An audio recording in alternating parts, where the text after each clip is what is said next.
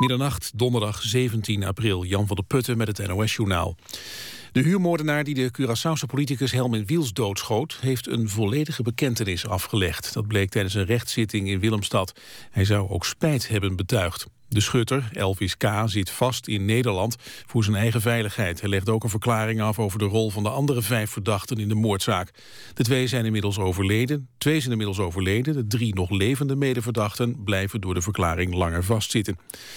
Helmin Wiels was de leider van de grootste partij op Curaçao, Pueblo Soberano. Hij werd vorig jaar op 5 mei doodgeschoten. De opdrachtgever is nog steeds onbekend.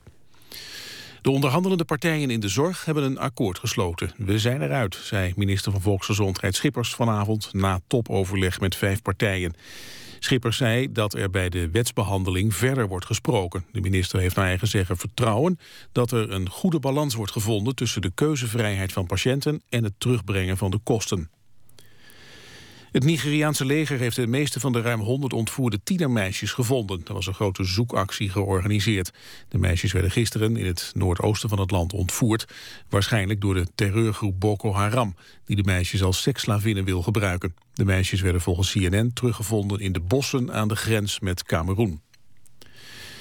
Real Madrid heeft voor de negentiende keer de Spaanse beker, de Copa del Rey, veroverd. In de finale in Valencia versloeg Real Barcelona met 2-1. Voor Barcelona was het de derde achtereenvolgende verliespartij. Vorige week werd de club al uitgeschakeld in de Champions League door Atletico Madrid. Het weer, vannacht wat bewolking, minimumtemperatuur een graad of 4. Overdag af en toe zon en in de avond van het noordwesten uit regen. Het wordt 14 tot 16 graden. Dit was het NOS Journaal. Radio 1. VPRO. Nooit meer slapen.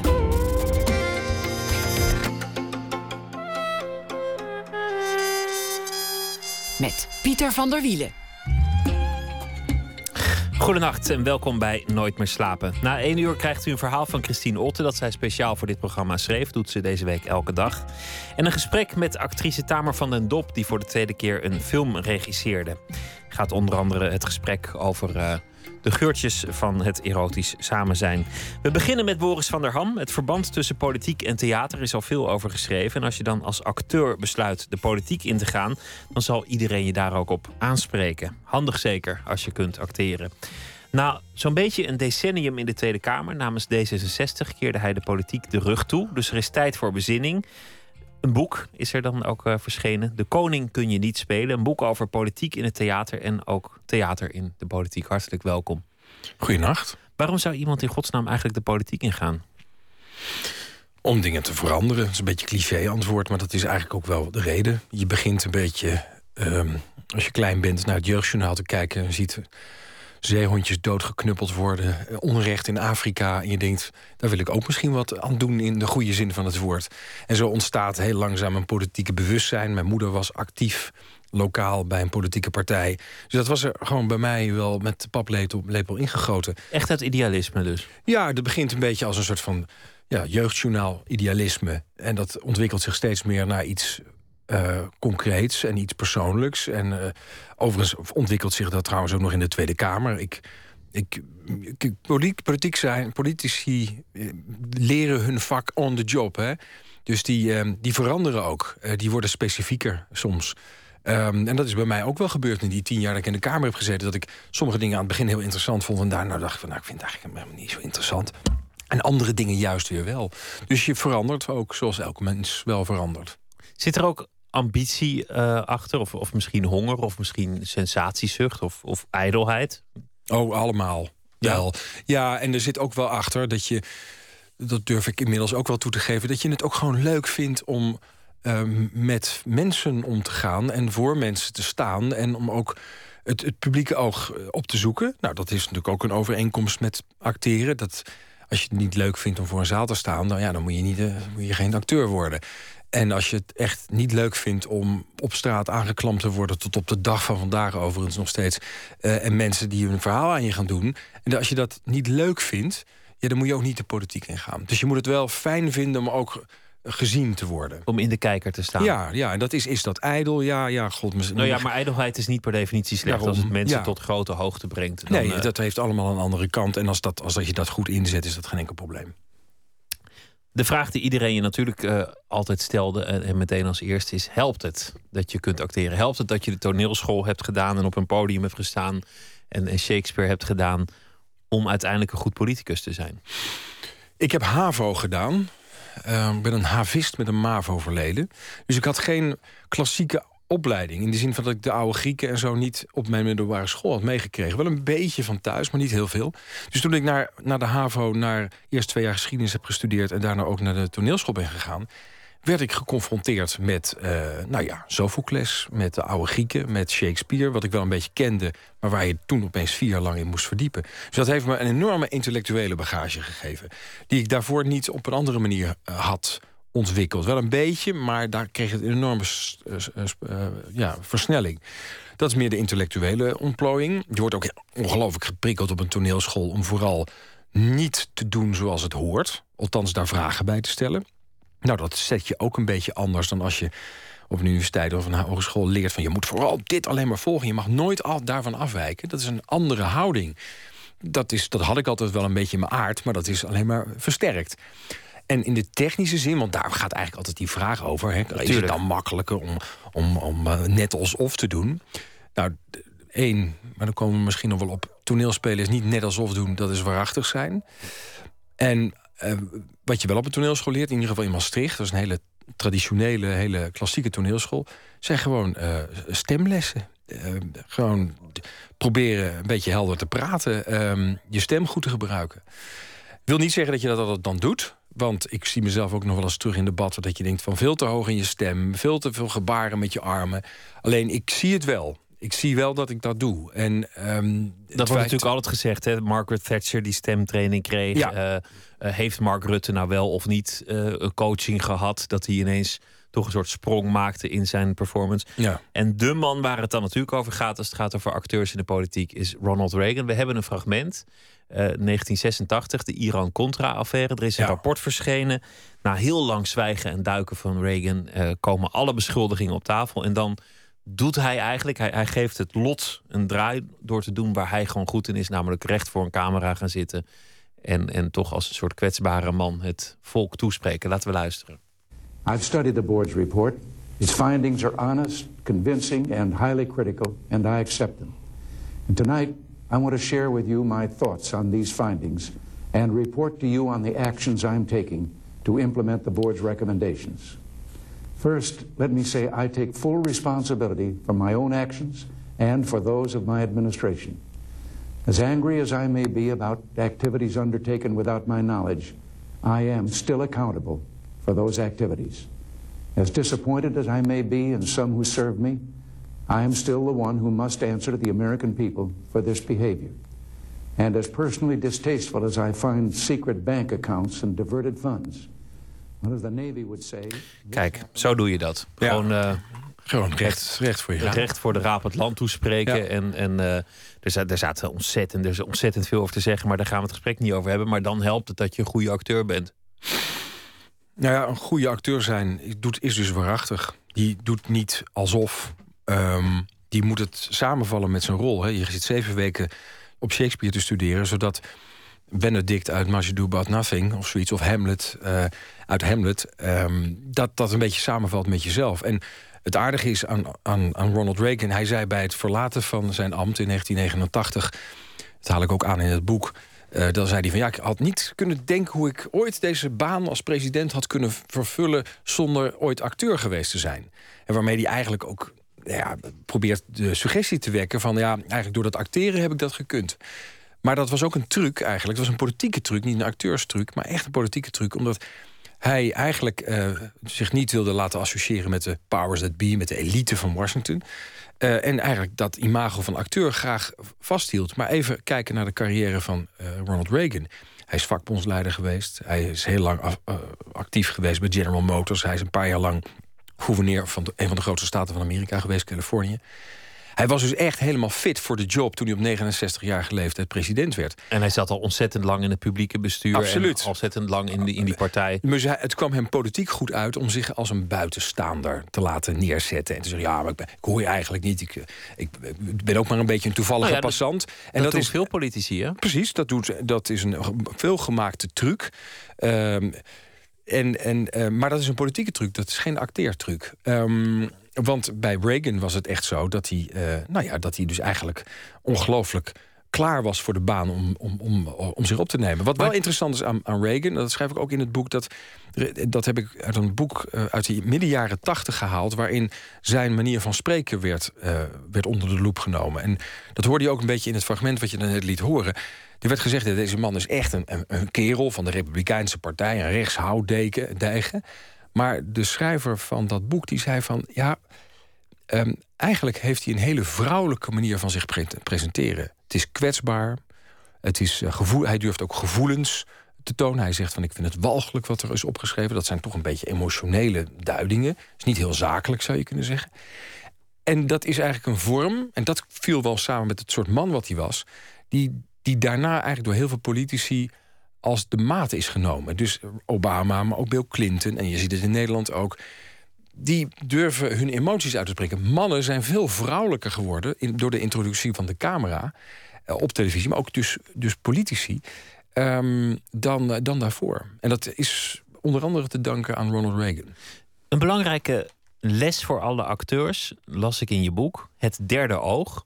Vond ik heel mooi. Dat, dat is dat je iets doet en dat je eigenlijk denkt: wat ben ik aan het doen?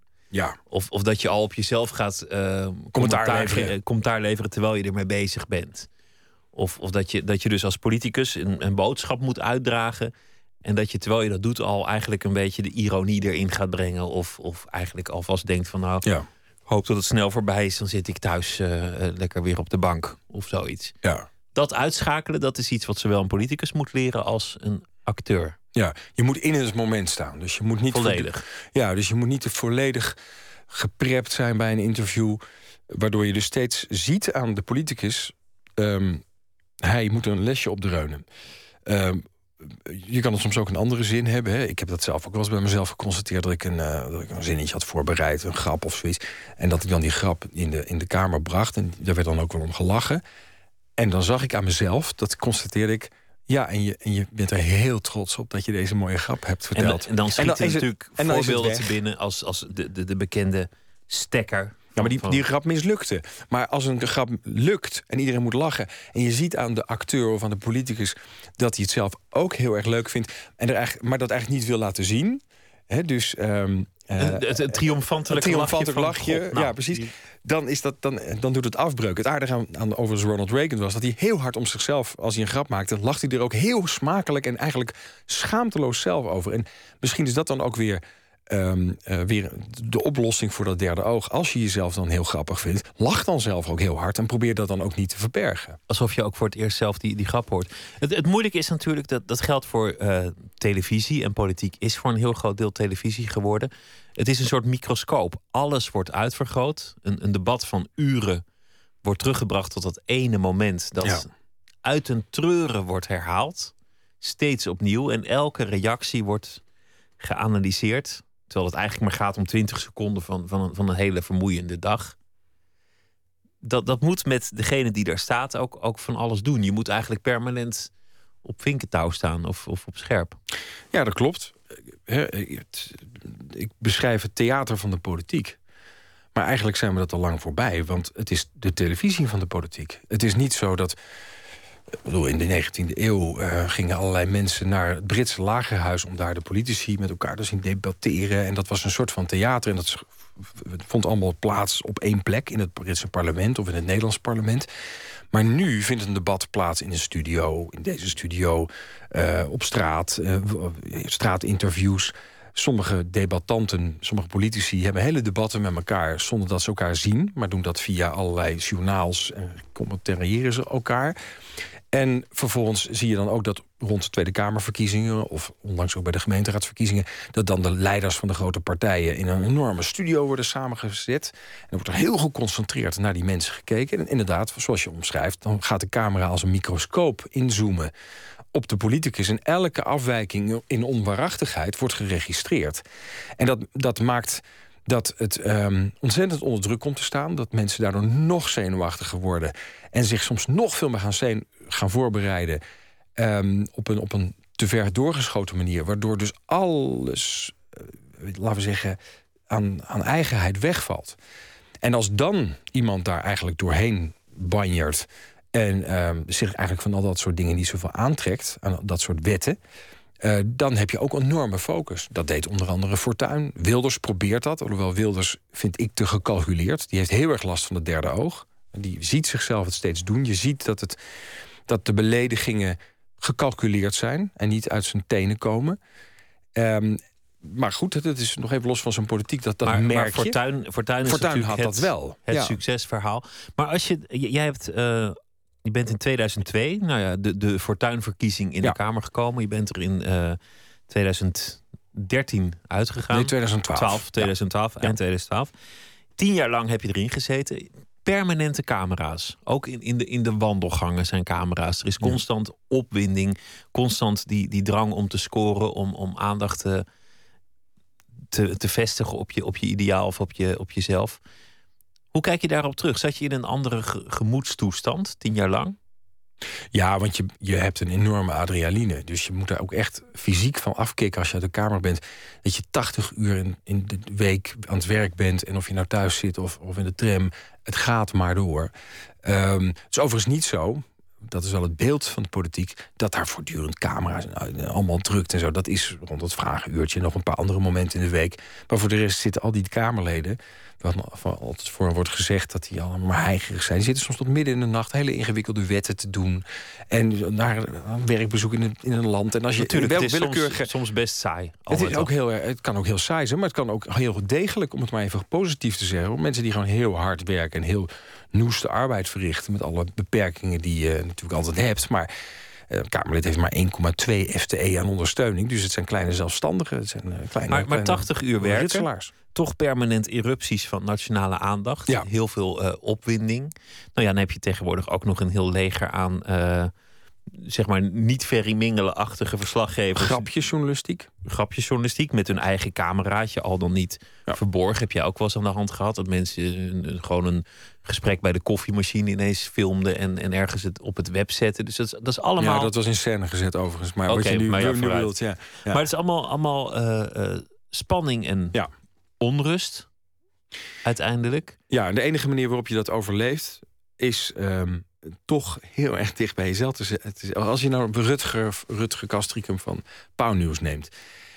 Um, daar, sommige mensen raken daar helemaal van paniek als zij een rare vraag stellen. gewoon echt hele grove vragen of hele rare niet-politieke vragen. van, hoe gaat, waar gaat dit nou weer over? Wat je, met wie je er onlangs naar bed bent geweest of zo. Dat soort vragen, die helemaal niets met politiek te maken hebben. Dan, dan, dan moet je gewoon reageren zoals je zelf zou reageren. En wat je vaak ziet bij politici is dat ze dan um, of heel erg grappig gaan lopen doen proberen de grap te evenaren. Dus onwaarachtig? Uh, onwaarachtig. Uh, of, of een soort van, ja, ook een soort van mediatraining gaan uiten. Van dat ze dan niet weg gaan lopen. Dat ze proberen, of juist heel stijf erop te reageren. En het is allemaal fout. Je moet gewoon reageren. Stel je voor dat je op straat wordt aangesproken en iemand vraagt dat.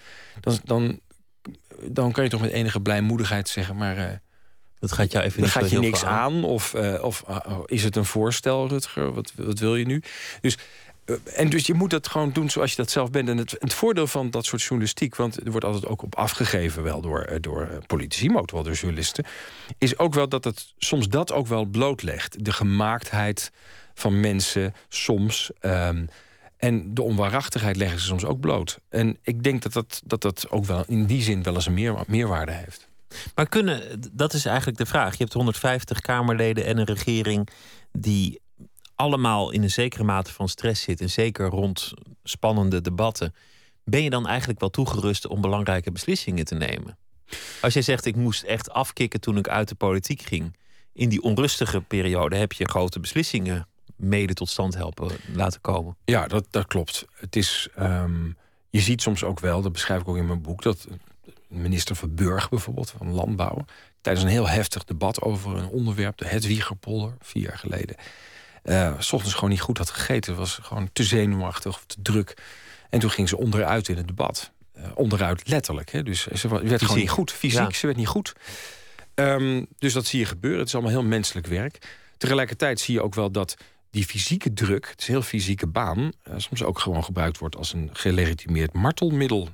Bijvoorbeeld bij de nacht na het debat over Hirsi Ali, dat was in 2006 uh, wilde Balkenende niet toegeven dat hij. Ehm, uh, dat, dat, er iets van een deal was gesloten met Rita Verdonk. Ik ga dat hele verhaal niet opnieuw vertellen hier. Maar toen is er zo lang eigenlijk dat debat uh, voortgezet. Tot vijf uur s'nachts geloof ik. Dat iedereen zo moest dat hij uiteindelijk zo moe was. Dat hij uiteindelijk brak. Of dat, er, dat hij opeens een foutje maakte. Dat hij een zinnetje zei. Die gewoon doorvergaderen. Gewoon doorvergaderen tot, je, tot iemand erbij neervalt. Ze krijgen vanzelf honger of slaap. Exact. Uh, bij, de, bij het onderzoek naar de oorlog naar, uh, naar in Irak... Hè, dus dat wij ons deel hebben gemaakt van die oorlog in Irak... daar zou een onderzoek naar worden gedaan, maar dat wilde uh, de coalitie niet. En toen zijn er tien debatten gevoerd, tien moties ingevoerd. Het heeft allemaal niets geholpen. Voor de bühne werd geroepen. En bij het elfde debat, naar de elfde marteling... en waarin weer de Partij van de Arbeid en het CDA onder druk was gezet... om tegen een motie te stemmen waar ze eigenlijk voor waren ja, uiteindelijk wel, werkte die marteling en werd er de elfde keer wel voorgestemd. Dus je moet soms ook. Politiek is ook gewoon, zoals Max Weber zei, boren in hard hout. Dat, dat moet je lang volhouden. Um, en dan krijg je soms wat voor elkaar. Maar als ik dan die afgepeigerde, uh, wat bleek weggetrokken politici om zes uur s ochtends een besluit zie nemen, denk ik dat besluit zou door een wijs man verscheurd moeten worden en ongeldig worden verklaard. Ja, dan, soms is dat terecht. Um, het is wel zo dat de checks en balances in ons systeem wel behoorlijk goed zijn. Doe, Nederland Komt toch nooit wat van terecht. Ja. Nee, dingen worden als het echt niet deugt, wordt het op een gegeven moment wel weer teruggedraaid. We hebben ook nog een Eerste Kamer, we hebben een Raad van State en we hebben ook nog eens nee, rechters en noem maar rechters, op. Dus het, bedoel, het is, we hebben het goed voor elkaar in Nederland. We laten we daar ook een beetje trots op zijn. Um, het is ook interessant. Ik heb een voorstelling ook gevolgd. Dat doe ik ook verslag van in het boek van het Nationale Toneel. Allemaal jonge acteurs die voor de eerste keer aan het Binnenhof gingen meelopen. En die zeiden ook van hoe meer we daar rondliepen, hoe meer we um, uh, eigenlijk waardering kregen voor dat het eigenlijk toch best wel goed in elkaar zit. Met alle onzin en getoe en, en, en ijdelheid en zo. Zit het eigenlijk nog wel aardig in elkaar. En die jonge acteurs van het Nationale Toneel, die concludeerden dan ook van ja. De, taal mag af en toe eens wat mooier. Probeer het eens wat mooier te zeggen dan al die platte. En dat is ook wel iets als je uit de kamer bent, dat je de, jabber talk, de, de, wat ik zelf ook natuurlijk wel heb gedaan, de formuleringjes.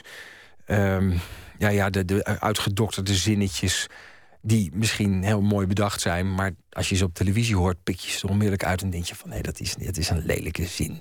Ik haal bijvoorbeeld aan in het, in het boek dat er eh, op een gegeven moment door een marketingman was, was uitgedokterd dat de kiezer, hè, de kiezer, um, dat die het woord buurt mooier vindt, warmer vindt klinken dan het woord wijk. Dus vervolgens zag je bij elke uiting, bij elke politieke partij, niet we gaan de wijk in, maar we gaan de buurt in. Er waren geen wijkagenten meer, maar buurtagenten. Geen wijkzusters, maar buurtzusters. Nou, op het moment dat je dat dan weet, dat dat echt bedacht is, ja, klinkt dat ook, dan is dat ook heel onwaarachtig. Dat is gewoon, dat is natuurlijk allemaal getut. Maar het gaat het ja, maar het werkt dus uiteindelijk dus ook niet. Want mensen prikken daar. Kijk, de kiezer eh, en ook het publiek, hè, ook op de toneelschool leer je het publiek heeft altijd gelijk in die zin dat ze heel veel dingen zien. Onderschat het publiek nooit. Want ze hebben dat intuïtief of intellectueel door. Dat, je ons is staat te verkopen. Trucjes. Het gaat uiteindelijk over idealen. Ehm, we hebben een uh, nummer met ja, een heel serieuze kwestie, namelijk de, de apartheid in het zuiden van de VS tot in de jaren 60. Billie Holiday die bezong de lynchpartijen in het nummer Strange Fruit.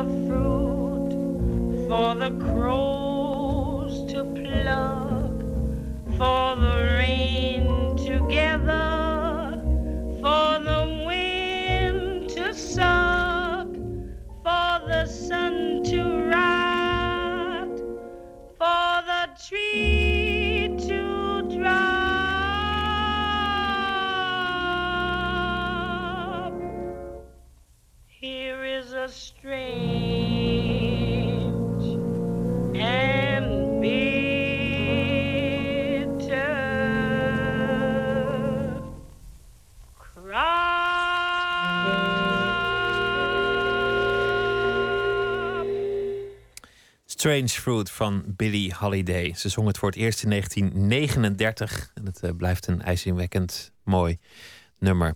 Nooit meer slapen in gesprek met eh, Boris van der Ham. Hij heeft een boek geschreven, De Koning kun je niet spelen, over politiek in het theater en andersom, theater in de politiek. Ze hebben wel eens bij wijze van onderzoek eh, mensen naar debatten laten kijken in talen die ze niet verstonden, in landen waar ze niets van wisten. En dan vroegen ze gewoon puur op lichaamstaal en uiterlijk wie is de winnaar van het debat. En dat bleek eigenlijk altijd te kloppen met wie in het land zelf door de wijze commentatoren als winnaar werd gezien. Wat al aangeeft dat het toch een heel visueel proces is en misschien ook wel bijna een biologisch proces. De, de, de grootste aap op de heuvel wint het debat. Ja, er zit dus een wetmatigheid in. Ik, toen ik aan dit boek begon, en dat is gebaseerd op een lezing die ik moest houden eh, in het najaar, de Kees Lunshoff lezing. Toen eh, dacht ik ook, van, ik moet heel erg uitkijken dat het niet alleen maar over anekdotes gaat. eh, weer dit hele boek over Wilders gaat. Of alleen maar over mijn eigen partij of zo. Ehm, want dat, dat kennen we wel. Want daar wordt heel veel over geschreven. En eh, dan wordt het een soort van recensie van je oud-collega's. Vind ik een beetje flauw altijd. En zo. Dus En toen wil- dacht ik. Toen je dacht wil ik ook wegblijven bij het cynisme. Want Ja. zie je wel, het, is, het deugt allemaal niet. Nee, ik bedoel, er deugt natuurlijk heel veel wel. Kijk nou naar hoe het met Nederland gaat over het algemeen. Het is natuurlijk een vrij fijn land om in te leven. Los van dat er allemaal gedoe is en dat er nog heel veel op te lossen valt. Maar er gaat toch ook heel veel goeds. Dat vind ik ook wel belangrijk om te constateren. Eh, maar ik dacht van, ik moet dus wegblijven uit de anekdotiek. Want, ehm, althans de anekdotes van nu. Want, want dan wordt het alleen maar smeuig... omdat er iets over een nu acterend politicus wordt gezegd. Dus ik, ik dacht, ik wil die wetten erbij halen. Want op de toneelschool leer je gewoon een aantal wetten... die al eeuwen oud zijn. En in hoeverre zijn die dan van toepassing op de politiek? Eh, en ik moet zeggen dat toen ik de politiek inging... althans toen ik echt de Tweede Kamer inging... dat ik dacht van, nou, dat zal me wel meevallen. Ehm, maar ik, moet, ik heb toch mezelf een paar keer erop betrapt... dat ik bij bepaalde problemen die in mijn partij speelden... of dingen die ik in andere partijen zag... dat ik dacht, ja, dit is, dit is gewoon deze toneelwet. Dit is gewoon eh, de wet die je op, bij les 1 op de toneelschool kreeg. eh, over waarachtigheid, over eh, nou ja, eh, actie ondernemen. Die winnaar van het debat, de, dat is dan in, in Shakespeareaanse termen de koning. Ja. De, de koning is de leider. Maar de koning kan eigenlijk niet een koning zijn als de rest niet meedoet. Ja. De koning wordt tot koning gemaakt door de mensen om hem heen. Hele belangrijke toneelwet die je bijna in de eerste week op de toneelschool krijgt. Daar is ook de titel van het boek aan ontleend. De koning kan je niet spelen. Je Leg, kan, leg eens uit. nou ja, je kan, je kan opkomen lopen op het toneel. En de koning proberen te spelen. Wat, hoe, doe je, hoe doe je dat dan eigenlijk? En dan ga je dus heel parmantig lopen. Of dan ga je heel voornaam roepen, spreken of zo. Maar dan zal het publiek toch denken... van een rare mallotige man of een rare vrouw komt daar nou weer oplopen. Ehm, vaak wordt de koning anders gespeeld. Ehm, komt er iemand oplopen Eh, en begint iedereen eromheen opeens recht te staan of zenuwachtig te worden, of een beetje te lachen of een beetje, beetje slijmerig, uh, zalvend uh, te opereren. En waardoor je als publiek weet, hey, diegene die een beetje normaal blijft doen, en die zich dat allemaal maar een beetje laat aanleunen en daar een beetje doorheen loopt. Terwijl die andere allemaal zenuwachtig wordt. Dat zal de koning wel zijn. Zoals Barack Obama laatst binnenkwam tussen allemaal Nederlandse hoogwaardigheidsbekleders. Ja, en, en je aan het een glimlach van oor tot oor had. Ik heb het zelf ook wel eens. Ik heb wel eens een handje aan Bill Clinton gegeven. En dan, ja, dan werd ik een soort van tienermeisje. Bijna. Weet je, dus je wordt en dan kan je niks aan doen. Je denkt van, is Bill Clinton. Dus alles gaat dan uit het gelid. Ehm, ja, dus dan weet je wie de koning is. Dat is dan op dat moment Bill Clinton. Dus dat, dat, zijn, dat is een wetmatigheid die je ook in, in het dagelijks leven meemaakt. Ehm, dat, dat heb je op elk schoolplein, zie je het ook. Hè? Wie is de, de, de topdog en wie is de underdog? Dus dat, dat, dat is iets van mensen. En die menselijke eh, proporties zie je ook op het hoogste niveau van, het, eh, van de regeringen terug. En Ja, je had de anekdote aan dat, dat eh, ambtenaren, als ze mee gaan borrelen met de minister, dat ze altijd hetzelfde bestellen als de minister. Dus als de minister aan de spa gaat, dan gaan zij niet aan de alcohol. gaan ze, en andersom ook. Ja. Ja, dat vind, dat vind ik heel grappig. Dat ja, soort dingen. en ik denk dat we dat allemaal herkennen. Maar dat is dus ook zo. Hè. Dat, is, dat zijn de wetmatigheden waar je dus ook mee kan spelen. Ehm, tegelijkertijd zie je natuurlijk ook alle falende eh, processen... waarin bijvoorbeeld iemand tot koning wordt gekroond... maar dat alle kroonprinsen denken... nou, dat, eh, dat gaan we niet heel lang volhouden met deze koning. Ik wil dat eigenlijk worden. Dus ehm, als hij in problemen komt, die koning... dan ga ik hem niet helpen om in het ambt te blijven. Of ga ik een beetje roddelen. Of ik ga een beetje e-mail sturen. Nou, je zag het bij Job Cohen gebeuren. Die gewoon ook, ik bedoel, hij had zeker ook zo'n tekortkoming... maar werd ook niet tot koning gespeeld. Die werd ook niet echt geholpen. Dus ik zeg ook van ja, ehm, je kan wel heel veel kritiek hebben op de leiding. En soms moet je ook van leider wisselen. Maar je moet ook een leider helpen om zijn taak te, of haar taak te kunnen volbrengen. Want als dat niet gebeurt, dan, ja, dan kan ook niemand. Iemand moet nummer één zijn in een partij, maar ook op het toneel. En eh, iemand moet ook de chef eh, van de VPRO zijn. Kun je Die dan moet je wel een aan beetje de- helpen. Ja. Kun je dan ook aan de mensen om, om zo iemand heen zien dat het eh, Job moment eraan zit te komen? Dat, dat hij gewipt gaat Ja, ik was een keer, ik was bij D66 was ik de PvdA-watcher. Dus toen ging ik een keer, dat houdt in dat je een beetje een partij iets meer in de gaten houdt. Toen ben ik een keer naar een congres gegaan van de Partij van de Arbeid. Een partij die ik niet zo heel goed ken qua cultuur. Ik vond het wel leuk om daar een beetje rond te lopen. En op een gegeven moment was ik met een paar mensen aan het praten. Toen kwam Job Cohen langslopen. En die werd eigenlijk ook gewoon door de leden niet meer echt opgemerkt. En die liep ook dan daarna weer een beetje ja, anoniem weer weg. En toen dacht ik wel van, dit klopt niet. Dit is niet dit is de leider. Die moet je wel in zijn kracht zetten. Het feit dat dan niemand meer eh, er eigenlijk in gelooft, dat voel je dan daardoorheen. En dan denk je, ja, dat gaat niet lang meer duren. Er was natuurlijk ook een een stemming van wie gaat het als eerste zeggen binnen Ja. de PvdA. Ja, ja, Toen. ja. En dat is, want je weet ook dat als jij het zegt, dat, je dan, dat jij dan niet de opvolger wordt. En er waren nogal wat mensen, dat zag je ook aan de hoeveelheid kandidaten, die hem wilden opvolgen. Dus je ziet dat dat soort processen soms ook heel pijnlijk kunnen worden. En ehm, ja, en dat is prachtig op toneel. Ik heb Ellen Vogel daar ook over geïnterviewd in het boek. eh, hè, 92-jarige grand dame van het Nederlands toneel. En die zei van ja, het is enig als je dat op het toneel ziet. Maar voor het land is het natuurlijk niet zo verstandig. Nee, en dat is natuurlijk uiteindelijk ook met de, met de politiek toch een, waarheid. Dat dit soort persoonlijke machtsstrijd en spelletjes en, en, en toch ook die achterklap bepalend is uiteindelijk in zeer grote mate voor wie ons land bestuurt. We hebben een heel mooi stelsel, dat zeg je terecht, met een prachtige grondwet en, een, eh, en we mogen stemmen. Dat zijn allemaal verworvenheden, maar uiteindelijk zit daar toch nog de factor gekonkel tussen. Nee, er zit, er zit een factor mens tussen. Dat is het eigenlijk. Want wat ik zei, dit soort gedrag, dat zie je op de, elk schoolplein. Dat doen mensen. Eh, die, eh, als je in de Tweede Kamer komt, dat is een biotoop waar je alle soorten menselijke emoties ziet. Jaloezie, maar ook echt oprechte engagement van alle politieke partijen. Eh, hele grappige, integere mensen, van de SP tot aan de PVV... die gewoon echt heel hard werken. En, eh, en daar zit alle ongein die je in het dagelijks leven ook hebt, zit daartussen. Dus mensen zitten voortdurend ook te vechten tegen hun, tegen hun menselijke tekortkomingen... en tegen allerlei verleidingen. Maar dan wel op een heel ander niveau en met andere bedragen. En daarom zeg ik ook, als van politici wordt gevraagd dat ze normaal doen... Ehm, en, dat, en dat ze dit soort dingen ook niet de boventoon laten voeren, moeten laten voeren. Hè, wat je eigenlijk ook zegt, wat ik ook zo vind dat dat zo zou moeten. Dan vraag je iets heel bijzonders van ze. Want ze moeten dus bepaalde. Dan moet ze beter zijn dan, dan, dan de mens Ja. kan zijn. Ja, en dat, dat moeten ze ook, want ze zijn in een ambt gezet. Ze zijn gekozen. Dus je mag ook meer vragen van een politicus dan van iemand die gewoon thuis op de bank zit. Daar mag je meer van vragen. Alleen dan is hij dus niet meer helemaal normaal. Want hij moet bepaalde reflexen moet hij onderdrukken. Kamerleden. Die ehm, gaan. Er wordt heel vaak over Kamerleden gezegd. die weten niet wat er speelt in het land. Ik denk, dat is mijn stelling. dat Kamerleden. gewoon als je ze individueel allemaal zou ondervragen meer weten wat er in de samenleving speelt dan een gemiddelde Nederlander. Want heel veel Nederlanders die zitten gewoon, dat merk ik nu ook weer, nu ik niet meer politicus ben. Dan ga je met een bepaalde groep mensen om. Je woont in jouw wijk. En dat is dan wel zo'n beetje. Je hebt een bepaalde baan, daar ga je mee om. Maar een politicus, ook een journalist heeft dat. Die moet voortdurend in sociale lagen komen waar die normaal nooit zou komen. Dus je ziet veel meer, je krijgt veel meer informatie van burgers, via mailtjes, via professoren en mensen uit de praktijk die hem allerlei dingen aanreiken. Dus alleen het probleem is dat met die informatie niet altijd wat wordt gedaan in de Tweede Kamer. Maar het is een, een beroep wat eigenlijk wat heel veel onnatuurlijke kanten met zich Maar- meebrengt. maar En dat is heel goed, dat is prima. Dat mag je ook vragen van een politicus. Maar we vragen toch eigenlijk veel te veel van, van politici uiteindelijk. Het is, ik bedoel, ik, ik pleit niet voor een dictatuur of voor, voor een anarchie. We zullen het ermee moeten doen met politiek. Daar kunnen we, denk ik, wel kort over zijn. Maar ik denk dat mensen gewoon er te veel van verwachten.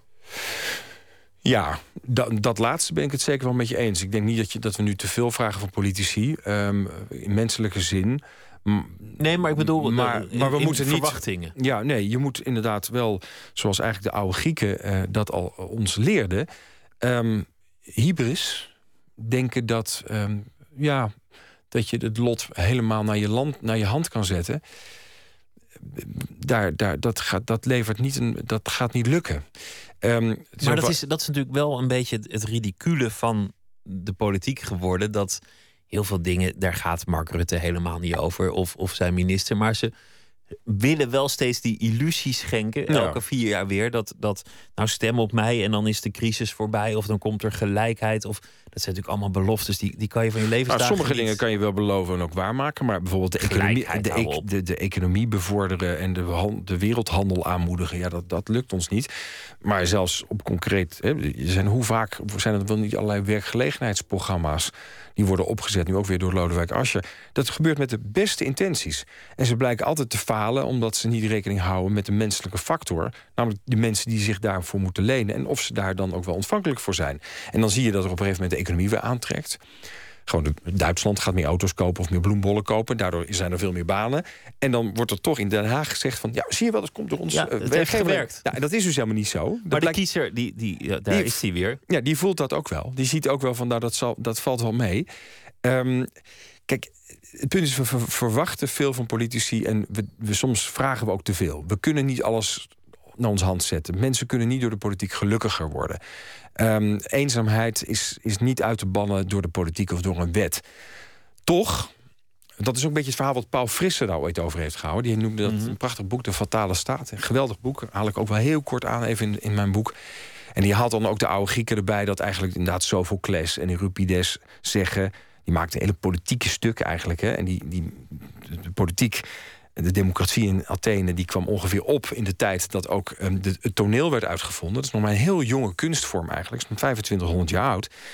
En dat was eigenlijk allemaal bedoeld om mensen zich te laten inleven... in, in de overwegingen van een politicus. Omdat ja, dat belangrijk was in de democratie. Ehm, maar dus Frisse zegt, en ook die, die, die oude Grieken zeggen... je moet je niet verzetten tegen het lot. En toch vind ik dat je dat soms wel moet proberen. Ook al is dat soms een beetje Ja, ederheid. Natuurlijk, Want want an- zeggen want de anders- crisis, wij gaan er niet over. Ik denk ook dat... dat je moet het af en toe wel proberen, toch? En dan ik denk dat mensen heel graag elkaar. naar de politiek kijken en vooral ook journalisten, omdat dat ze nou eenmaal een plek willen hebben waar je alles bespreekt.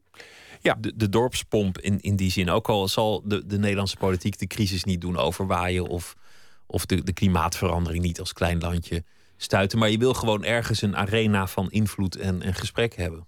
Ja, dat wil je. En dat is eh, het Nederlandse parlement eh, tot op zekere hoogte is dat ook. Daar moet ook alles besproken kunnen worden. En daar is overigens een groot tekort of een oplopend tekort van, de, van het theater van de politiek. Want steeds vaker, je hebt het zelf al een paar keer gezegd, zegt de politiek, Tweede Kamerleden, ministers, ja, daar gaan we niet over. Um, Marokkanenproblematiek, dat moet u bij de lokale uh, overheden zijn, want dat is lokaal beleid. Of, Sinter uh, Sinterklaas is nou eenmaal blank ja. en Zwarte Piet is nou eenmaal zwart. Ja, Sinterklaas, dat, dat is niet overheidsbeleid. Daar gaan we niet over. Of, um, maar ook de Nederlandse spoorwegen, die zijn uh, niet geprivatiseerd, maar wel verzelfstandigd. Dus daar gaan we niet meer over. Um, sommige wetten komen van Europa, uh, van het Europees Parlement. Ja, daar gaan we niet over. Dan moet u bij het Europees Parlement zijn. Nu zijn er heel veel zorgtaken. En vandaag is er een akkoord gesloten in, in Den Haag over het zorgpakket. Dat wordt allemaal aan de lokale overheden uh, gedaan. Heel vaak met hele goede redenen. Dichter bij de burger, uh, klimaatproblematiek moeten we internationaal aanpakken. Allemaal hele goede redenen. Sommige dingen moet je ook niet bij de overheid houden. Moet je vooral door een bedrijf laten doen, de post of zo, is prima. Maar het probleem is wel, ook al heb je daar goede zakelijke en technische redenen voor, dat daarmee de relevantie van de arena van de politiek, namelijk de plek, dit dorpspond, zoals je dat noemt, waar iedereen bij elkaar komt, waar iedereen elkaar uh, de les leest en elkaar uh, flink onder vuur neemt en elkaar een beetje uitscheldt en uiteindelijk, uiteindelijk elkaar ook wel weer een hand geeft. De relevantie van die dorpspomp, van de arena, van het theater van de politiek, van het Nederlands parlement, wordt daardoor wel een beetje uitgehold. Want je wil graag dat wat belangrijk is daar besproken wordt. En er zijn steeds meer dingen waarvan ze zeggen, ja, daar gaan wij niet over. Ja, en dat, geeft, dat houdt dus in dat mensen dus steeds minder geloof hebben in het oplossend vermogen van de politiek. En dat is heel gevaarlijk, want we hebben niks anders. Nou ja, misschien is het helemaal niet zo erg als mensen weinig vertrouwen hebben in het oplossend vermogen van de politiek. Ze kunnen ook niet alles oplossen. Het lijkt me juist realistisch als mensen denken, nou ja, sommige dingen zijn niet op te lossen. Ik moet mezelf daartoe verhouden. Nee, daar ben ik het mee eens. Maar tegelijkertijd, als er dan allerlei dingen naar lokale overheden gaan, of het Europees Parlement. Uh, of naar andere, naar rechters die opeens wetten gaan interpreteren, waardoor dus daardoor weer nieuwe regels komen. Um, waar is dan de journalist die wel in Den Haag rondloopt, de Rutgers en de Werry Mingelen en zo, die ons voortdurend in de gaten houden en die microscoop op die politici zetten? Die zijn in heel veel gemeenteraden gewoon niet aanwezig. Ja, in Amsterdam wel en een paar andere grote steden. Maar in heel veel grote gemeentes, plattelandsgemeentes... daar zit één medewerker van de lokale omroeper op de publieke tribune. en dat nog onbetaald ook. Ook onbetaald. Um, en, en mensen die ook, die gaan nu opeens over miljoenen, soms wel miljarden euro's, uh, wanneer het gaat over, over geld. En dat wordt dan gecontroleerd door, door gemeenteraadsleden die soms maar één of twee dagen in de week daar aan het werk zijn. Nou, dan is het eigenlijk het evenwicht wat in een theater nodig is. Hè? Acteurs, goede komaf, publiek wat het controleert, recensenten. Dat evenwicht, wat we in het Nationaal Parlement wel een beetje hebben... dat is op heel veel andere plekken waar nu dat theater zich afspeelt... die voorstellingen zich afspelen, is niet aanwezig. Dus een van mijn pleidooien in het boek is ook... waar staat het theater van de politiek eigenlijk? Is dat... Uh, waar, ik bedoel, er zijn zoveel plekken waar nu gespeeld wordt... en waar we naar moeten kijken. En waar dreigt geen publiek voor te zijn een duidelijk punt. We hebben nog een, een plaat die te maken heeft met uh, de politiek. The Revolution, Talking About a Revolution van Tracy Chapman.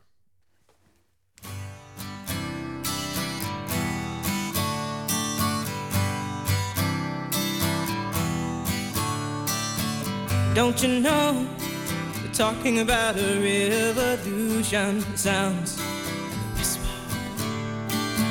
Don't you know talking about a revolution. It sounds like a whisper. While they're standing in the welfare lines, crying at the doorsteps of those armies of salvation, wasting time in the unemployment lines, sitting around waiting for. Don't you know? Talking about a revolution. Sounds Poor people gonna rise up and get their share. Poor people gonna rise up and take what's theirs. Don't you know you better run, run, run,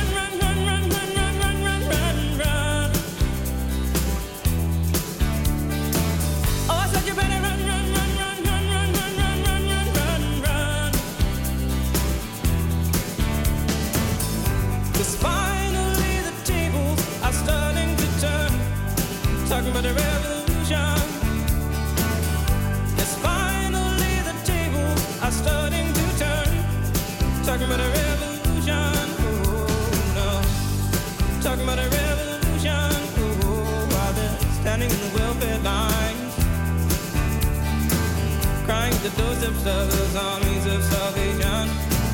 Wasting time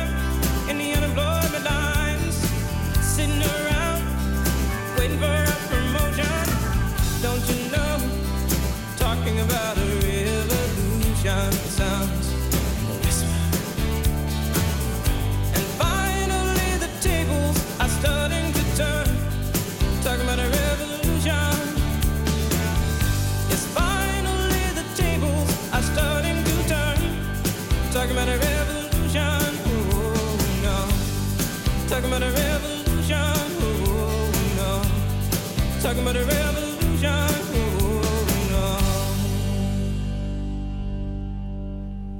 Tracy Chapman, Talking About a Revolution.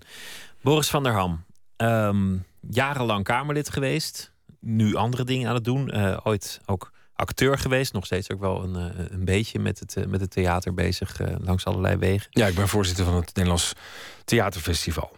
Om, maar eens, om maar eens wat te noemen. Een, een revolutie, laten, laten we het daar eigenlijk eens gewoon over hebben. Waarom niet? Want ik zei net, ja, een anarchie, dat werkt ook niet. En een dictatuur, dat werkt ook niet. We zitten vast aan, aan de politiek. Maar ja, dat, dat, is, dat is eigenlijk ook niet heel lekker om, om dat te zeggen. Want, want uiteindelijk heb ik vaak het gevoel, en ik denk dat heel veel mensen dat hebben, dat de politiek niet de arena is waar de werkelijke problemen besproken worden. Om de eenvoudige reden dat ze daar ook geen grip op hebben. Dus in die zin is het een toneelstukje. En aan de andere kant dat het daar over heel veel dingen gaat die er eigenlijk helemaal niet toe doen. Die weliswaar leuk zijn om naar te kijken of, of, of mooi polemisch. Daar kan je lekker links of lekker rechts over zijn. Maar uiteindelijk in het licht der eeuwen zijn het natuurlijk totaal futiele kwesties. Een van de kwesties waar jij heel erg mee bezig bent geweest zelf is het verbod op godslastering. Ja, Nou ja, daarvan kan je natuurlijk zeggen dat het, dat het eigenlijk symbolisch. helemaal- ja, totale symboolpolitiek, toch? Ja en nee. Ja, dat, dat Ik is- bedoel, ik zie, het, ik zie het principe ervan. Ik zie ook de Ja. voorbeeldfunctie, omdat wij ons uitspreken over andere landen waar mensen worden gelincht, gestenigd, eh, opgehangen. Dat wilde ik maar even als een concrete. Daardoor, daar is het dus helemaal niet zo symbolisch. Ja, nee, maar dat is nou zo typisch zo'n onderwerp wat. ehm, wat eh, dat is echt dat is bijna, bijna de reden om daar een nieuw boek over te schrijven. Dat overweeg ik ook nog wel. Over precies dit onderwerp wat je nu aanhaalt. Ik ben daar in die tien jaar is dat onderwerp een paar keer langsgekomen. Ik heb een wet erover geschreven om die wet op godslastering... die in 1932 is ingevoerd, om dat af te schaffen. Ehm, maar die wet is heel erg interessant. Want die wet ehm, stelt in Nederland niet zoveel voor... want er werd niemand meer op beledigd. Maar het was een soort van voertuig. Een soort ehm, alibi... Waarom, waarop een maatschappelijk debat over de vrijheid van meningsuiting werd gevoerd. Dat is nou zo'n onderwerp wat je niet echt kan vatten. Hè. Wat is de grens van fatsoen? Nou, ik vind dat je dat niet in de wet moet vastleggen. En toch kon de discussie over, die dat, over dat wetje... kon dat toch een beetje op televisie en ook op radio en kranten... toch een beetje kanaliseren. Ehm, en dat had, dat had een goede kant ervan. En de andere kant was inderdaad dat er aan de andere kant van de wereld... nou, niet eens zo ver van ons vandaan trouwens, in de Arabische wereld... gewoon mensen worden doodgemaakt op het moment dat ze godslastelijke talen uitspreken. En dat is alleen al als je het niet eens bent met de hoofdreligie, de islam. Dus daar gaan mensen gewoon dood om deze wet. En is het helemaal niet zo symbolisch als wij het zouden afschaffen. Het is maar het is wel, het is wel, het is natuurlijk, het is ingewikkeld. Want het is, ja, het is, in Nederland is het symbolisch, klopt. Maar, maar wat je eigenlijk zegt is, nou ja, het was een, een handvat om het over een heel fundamentele kwestie te kunnen hebben. Ja. Namelijk, worden gelovigen voorgetrokken in het beledigd mogen zijn ten opzichte van niet-gelovigen? Lijkt mij een heel fundamentele kwestie. Ja. Maar dan stel je eigenlijk de vraag: is, is het parlement er om bestuurlijke dingen te doen? Om, om, om alleen maar wetten er doorheen te jassen en daarmee te zorgen dat het land goed draait? Of is het een arena waar we, waar we gewoon, ja, om met George Bush te spreken, een debating society? Waar we gewoon eens een goed gesprek hebben. Ik vind zelf dat het parlement ook gesprekken mag hebben... ehm, waar niet per definitie een wet uitrolt. Ik heb een vorig boek geschreven, dat heette De Vrije Moraal. Dat ging over de vraag of iemand die vrijzinnig is, zoals ik, eh, of liberaal... ehm, dat is niet zozeer aan één partij gebonden... maar dat zijn zeg maar seculiere partijen... van, van de PVV tot aan de SP, min SGP en CDA en ChristenUnie... Die partijen zijn allemaal liberaal, zou je kunnen zeggen, wat ethische punten betreft. En, maar hebben die dan geen moraal? Hebben die dan, wat staat er tegenover? En John Stuart Mill zei daarover: van ja, je hoeft niet voor alles een wet te maken eh, over normen en waarden, maar je moet wel ehm, je uitspreken over wat je fatsoenlijk en wat je wel of niet goed vindt. Dus je kan niet volstaan van het staat niet in de wet, dus we gaan er niet over. Je moet je dan als politicus of als burger moet je er wel over uitspreken. Je kan wel zeggen, nou, u mag het wel zeggen, maar ik vind het niet netjes. Of ehm, ja, eh, ik vind het niet leuk als je heel dronken bent. Je mag het wel zijn, maar ik vind het niet zo leuk als je heel dronken bent. Dat mag je zeggen. Je mag je kinderen ook, ook opvoeden in die richting. Dus ook al maak je er geen politiek van, in de zin van dat het strafrecht wordt, dan is het niet iets waar je het niet over mag hebben. Dus ik vind dat het parlement het best mag hebben over. Um, nou, ik zal je een mooi voorbeeld geven. Dat staat nergens in die boek hoor. Maar toen ik net in de Kamer ging, zat, was minister Nawijn er. Die opeens zei: we moeten maar de doodstraf misschien weer in gaan voeren. Nou, iedereen, iedereen viel over die man heen. Um, en er werd een spoeddebat aangevraagd. Toen had hij het eh, gezegd als individu Ja. en niet als minister. Maar, maar dat is nou echt het voetnoot, vind Ja. ik. Want het interessante was dat nou, sinds het eh, afschaffen van de doodstraf ergens in de 19e eeuw... was er eigenlijk nooit meer gediscussieerd over waarom doen we dat eigenlijk? Waarom, waarom willen we dat niet in Nederland? En alle politieke partijen die gingen toch weer eens even nadenken van... waarom- waarom willen we dat ook weer niet? De enige partij die ervoor was, was de SGP. Ehm, maar toen werd er eindelijk weer eens even gesproken over waarom vinden we dat? Want er zijn gewoon mensen in Nederland die zeggen: Nou ja, waarom doen we dat eigenlijk niet met eh, Robert M. of met al die andere vreselijke misdadigers waarvan je de, de intuïtie. of de intuïtieve houding van, nou, die mensen moet je aan de hoogste boom opknopen. Dit kan ik me wel voorstellen bij zo'n Robert M. Maar waarom doen we het dan toch niet? En het feit dat je dat toch maar weer eens even met elkaar bespreekt. op het, in het theater van de politiek. dat je even zegt van. Nou, wat zijn ook weer de argumenten? En dat ook het publiek in de kranten, op televisie, dat weer een beetje meekrijgt. Van, oh ja, daarom doen we het niet. Dat is heel nuttig. Dus het hoeft niet altijd tot een motie of tot een wet te leiden. Waarbij je er wel van uitgaat dat als dat debat goed verloopt, dat uiteindelijk de, de weldenkende kiezers aan het eind zullen zeggen: Nou, toch wel goed dat we geen doodstraf hebben of dat er niemand gelincht wordt in dit land. La- laten we daar maar. Dat is heel goed. komen. En, Maar en, en soms het moet je ook mensen kan tegenspreken. natuurlijk ook zo zijn dat aan het eind van dat debat de menigte, ik bedoel, kijk eens in, in, een, eh, in, een, in een beetje internetforum, dan vraag je af hoe de middeleeuwen ooit voorbij hebben kunnen gaan. Ja, maar het is interessant dat de, de internetfora soms als je doorvraagt... weer veel genuanceerder zijn dan ze in eerste instantie lijken. Ik heb eh, als Kamerlid wel, wel moot, nee, hoe zeg mailtjes gekregen... waarin mensen begonnen met, nou, klootzak! En dan mailde ik terug van, nou, ik wil best op uw punt ingaan... want soms hebben ze nog wel eens een aardig punt ook. Maar zullen we even de taal even een beetje bijschroeven? En dan krijg je direct een ja, sorry, ik zit gewoon erg hoog. En dan merk je opeens dat er toch wel los van de grote emoties en de schuttingtaal, daaronder gewoon ook wel een beschavingsniveau is wat je kan aanspreken. En bij heel veel mensen. Dus ik vind dat we daar ook niet. Dan moeten we ook een beetje incasseringsvermogen tonen. Maar ja, het maar is- tegelijkertijd, het is wel de- je, moet soms, vraag. je moet soms ook wel een beetje. eh, je bent ook als politicus ook wel eh, leidinggevend. Hè? Dus om maar even terug te komen op die doodstraf. Het bleek op een gegeven moment. ehm, z- zo te zijn dat een, een behoorlijk deel van de achterban van Geert Wilders. eh, dat hij voorstander is van de doodstraf. En Geert Wilders desgevraagd zei van... ja, dat kan eh, mijn achterban wel vinden... maar ik ben tegen de doodstraf, principieel tegen... zal ik nooit voor worden. En denk ik, ja, dat is op dat moment een goed politicus... los van even het standpunt dat ik het daar toevallig wel eens ben met, met Geert Wilders... maar je moet ook af en toe je eigen mensen durven tegen te spreken.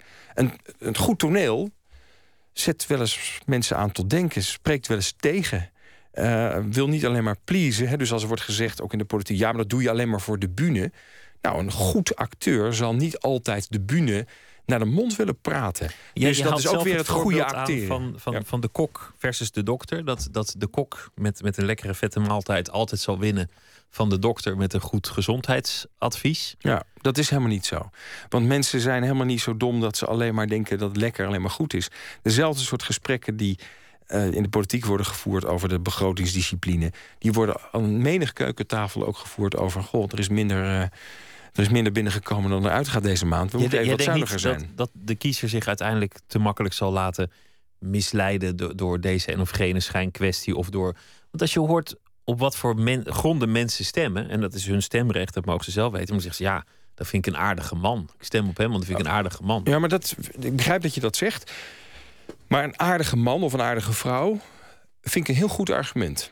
Maar als je, als je een Want- auto koopt en je zegt... ja, dat was de aardigste verkoper, ik neem die auto. Nee, dat is uiteindelijk niet. eh, dat, dat is inderdaad niet een goede reden. Het is ook niet de enige goede reden. Maar ik wil het even opnemen voor dat argument. Want vaak zit daarachter dat als je doorvraagt, daarom moet je ook niet alleen maar naar die uitspraak luisteren. Dan moet je ze even in, in gesprek gaan met waarom iemand dat dan vindt. Waarom vindt iemand diegene aardig? En dat, dat, dan zal je daar vaak bij merken. Ik heb veel van dat soort gesprekken op straat gevoerd. Dat er soms een hele wereld achter schuil gaat. En wat uiteindelijk neerkomt, dat uitspraakje over een aardige man of een aardige vrouw, ehm, dat iemand te vertrouwen is. Of dat hij het gevoel heeft, ik vertrouw hem. Ik, ik weet niet, maar ik heb intuïtief vertrouwd die man. En vertrouwen, dat is ongeveer de basis waarop onze democratie, zelfs onze economie, is gesteld. Dat je een beetje vertrouwen in elkaar hebt. En ehm dus is een heel goed argument. Ehm, worden mensen wel eens verleid door eh, uitspraken van politici die ze het later niet kunnen waarmaken? Jazeker. Maar dan hebben we wel weer na vier jaar verkiezingen. En dan zie je ook wel dat mensen die dat maar voortdurend doen, dat die ook daar keihard op worden afgerekend. Als, als eh, nou, wat je nu ziet met de Partij van de Arbeid en de VVD, die zeiden voor de verkiezingen van ja, totaal ander mensbeeld heeft die andere partij. Nou, echt moeilijk. En dan gaan ze samen regeren.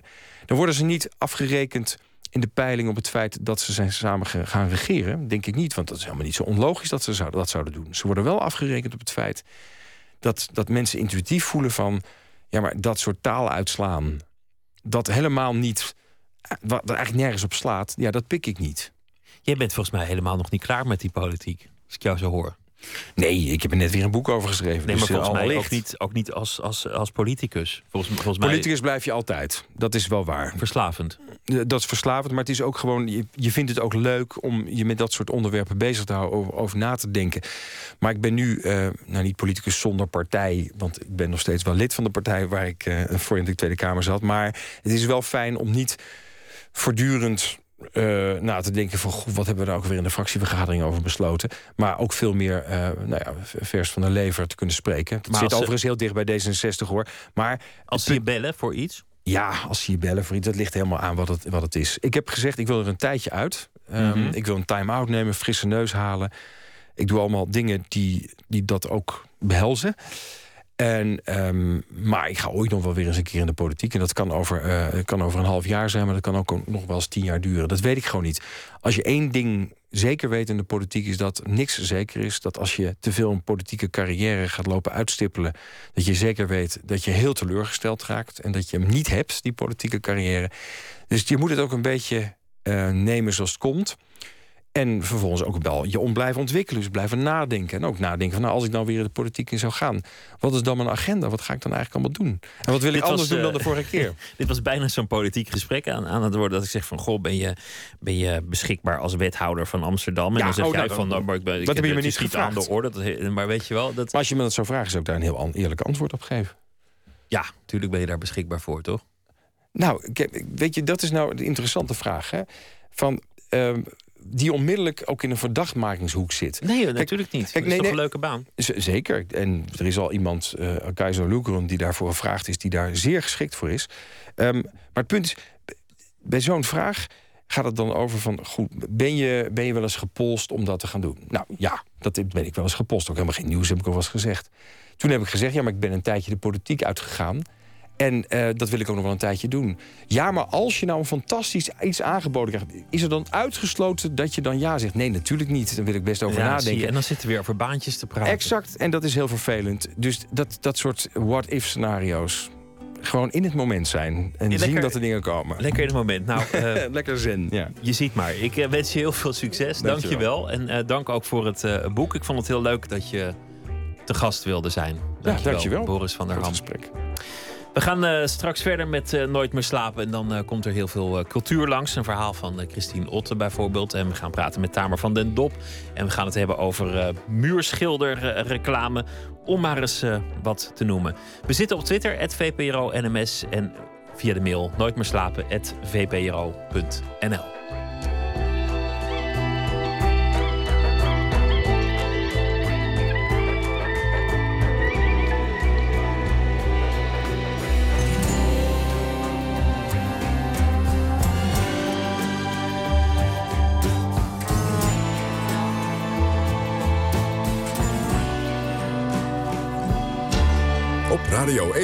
Het nieuws van alle kanten.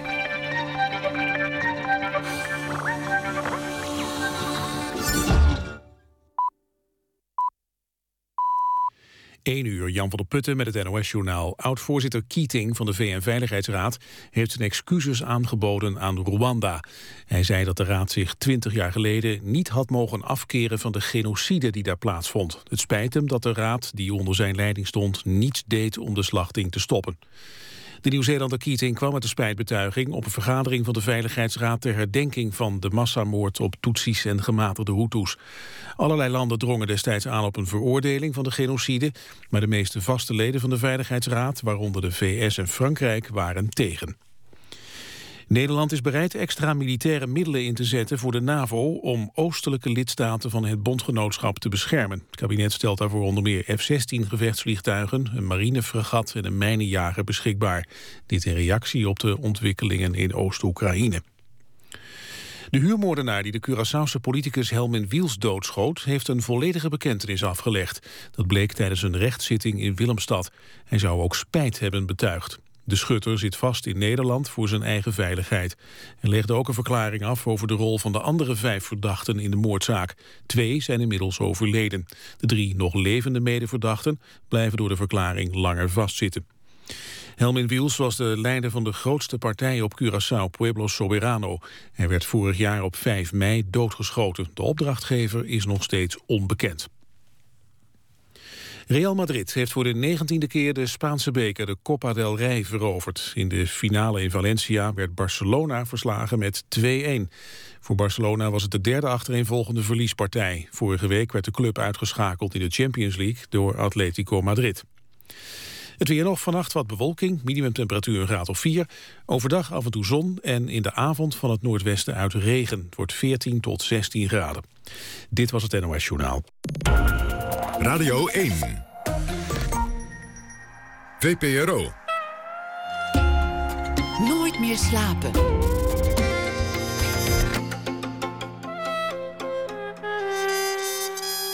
Met Pieter van der Wielen. U luistert naar Nooit meer slapen van de VPRO. We beginnen dit uur, zoals gebruikelijk, met een schrijver die elke dag de hele week door een verhaal schrijft. Op basis van iets dat die dag zich heeft voorgedaan. En deze week is dat Christine Otte, schrijver van literaire non-fictie. Boeken als De Laatste Dichters, als Casablanca, In Wonderland, Om Adem te kunnen halen. Dit zijn allemaal eh, titels. En eh, binnenkort komt er ook weer een nieuw boek. Goedenacht, eh, Christine. Goedenacht, Pieter. Wat heeft je vandaag bezig gehouden? Nou, eigenlijk een beetje een, een, een bi- bi- bizar bericht, vond ik zelf. Namelijk ehm, dat eh, een, een sportbericht. Dat Ranomi Komowi Giorgio te dik is. Te dik? Wie, wie zegt dat? En dat, dat ze daardoor minder presteert. En ik, ik las dat zo en dat haar, haar coach zei dat ze dan iets zo'n bijna vijf kilo te, te dik is, te zwaar. En dat ze daardoor eh, in het water ja, trager gaat. En da daaraan, daardoor zou ze dus minder presteren. Nou, nou las ik dat en ik dacht, ja jee, dat is toch... Dat je, je, je- over je li- lichaam gaat dat zo, dat lijkt me toch raar, zo. Dat je lichaam zo geanalyseerd wordt Ja. dat het nieuws is Ja, als er een toch. paar Ja, dat- kilootjes aan zitten.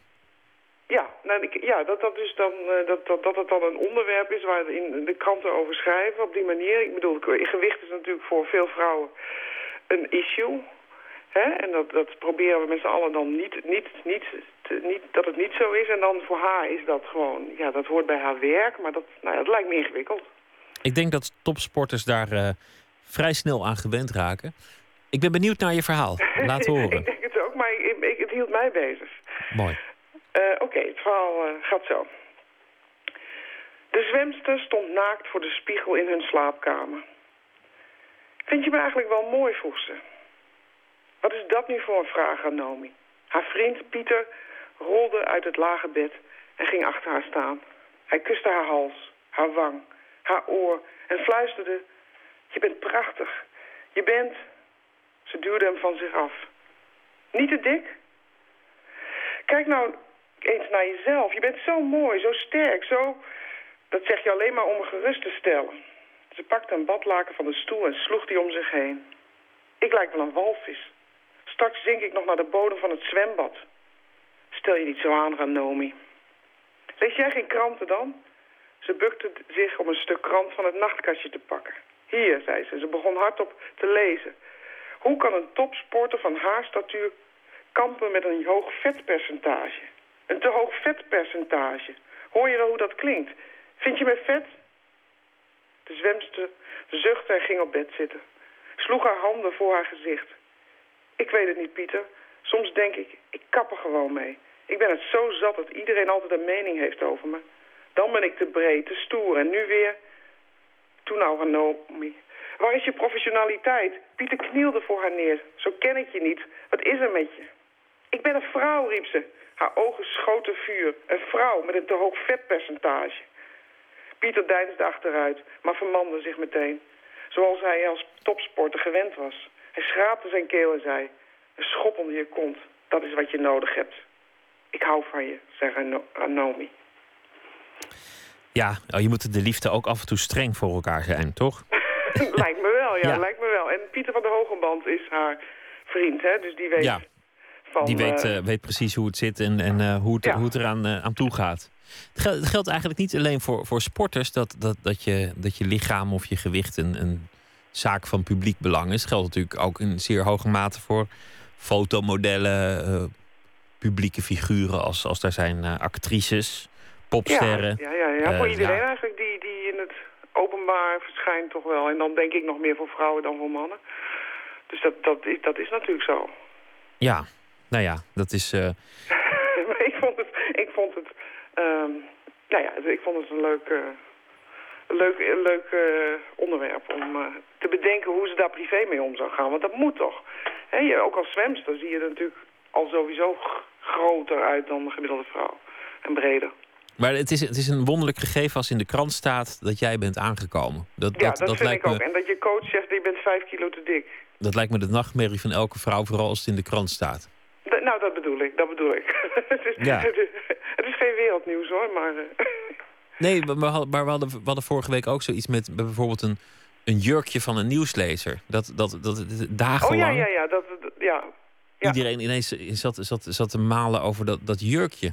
ja, die ik overigens heel mooi vond. Een prachtig jurkje, ja, natuurlijk. Ja, maar eh, de- ik, wat me ook... eh, Gisteren was dat, was dat volgens mij in het journaal toen eh, die, die wielrenner die dan hyperventileerde. En de- dat was ook zoiets van die...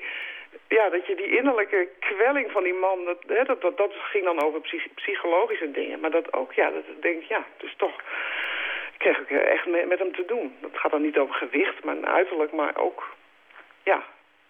Ik vind dat toch wel ver gaan soms. Ja, en wat ik, wat ik hier ook wonderlijk aan vind, is dat het, dat het een soort voorbeschouwende analyse is. Dus die, die, dat zwemmen moet nog gebeuren. Die wedstrijd is nog niet aan de hand. Maar dan in de krant staat al van nou, ehm, ze is te dik. Alsof ze al een beetje verloren heeft, terwijl ze het water nog niet eens heeft aangeraakt. Nee, en, en dat ze door haar vriend, Pieter, dat is echt net een story, dat ze dan eh, van, eh, van ehm, eh, Olympische Spelen naar Olympische Spelen leeft. Dus daarom eigenlijk een beetje niet zo gemotiveerd is nu. En daarom wat luier, misschien wat meer eet. Dus nou ja. Nou ja, goed. Ze- Nou ja, hè? een, een mooi thema, kortom. ja, ik dank op deze, dit tijdstip wil je ook wel wat liefde, toch? Ja, nou, dankjewel. Tot, eh, tot morgen. Tot morgen, weer een verhaal. Verheug ik me nu al op. Christine Otte, dankjewel. En Hey, een hele goede nacht. Tot morgen? De naam, die vinden we eigenlijk super flauw. Chad Faker als variant op Chad Baker. Maar goed, daar moet je gewoon doorheen prikken. Want verder maakt de Australische Nicholas James Murphy... die dus eh, achter die naam Chad Faker schuil gaat... prachtige muziek. Het nummer dat wij draaien heet Gold.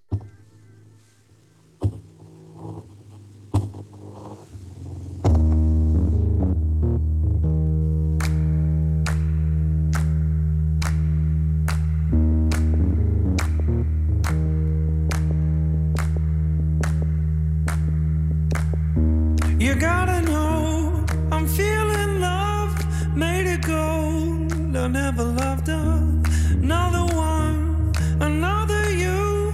It's gotta be love. I said it. You gotta know I'm feeling love.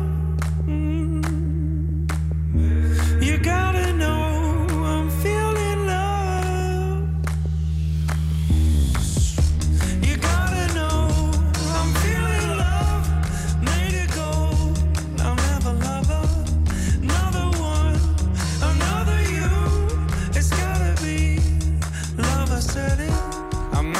will be in our garden.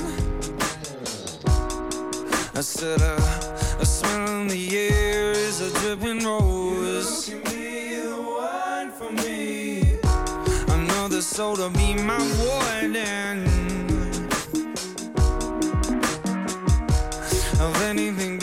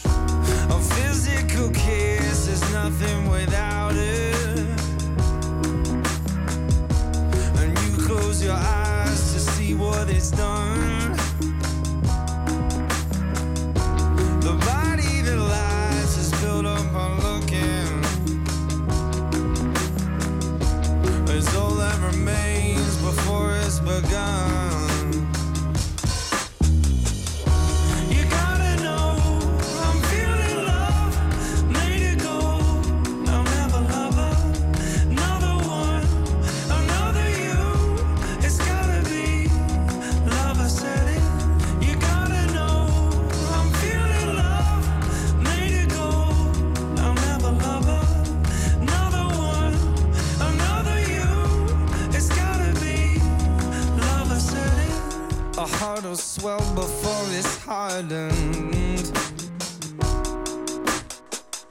With the flick of the hair, it can make you old.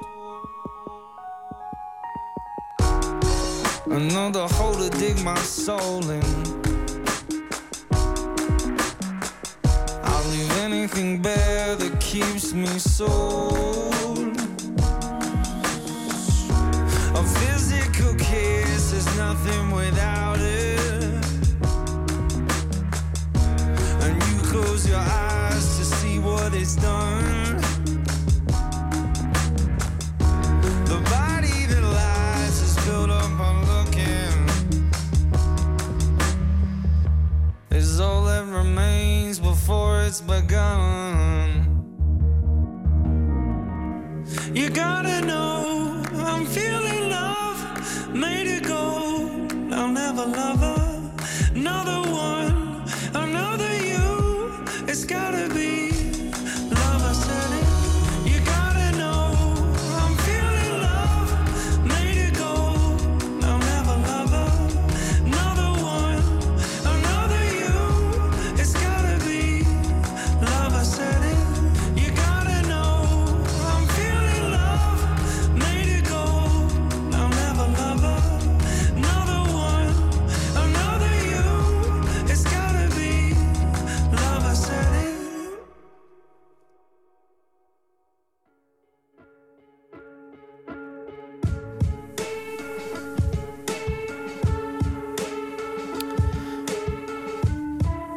Chet Faker was dat, afkomstig uit Australië en het nummer kwam van zijn debuutalbum Built on Glass. En de titel van het nummer was Gold.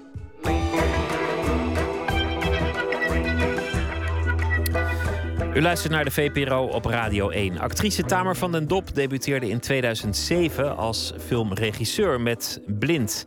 Een zintuigelijk sprookjesachtige film. In haar tweede film, Supernova, deze week komt die uit, is opnieuw het een eh, heel uitgesproken gestileerde film geworden. Een soort Hollandse western mag het heten, waarin het zweet op bovenlippen parelt en de vliegen voortdurend zoomen.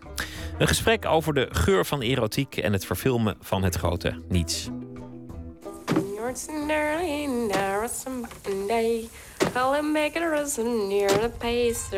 Hier is niets.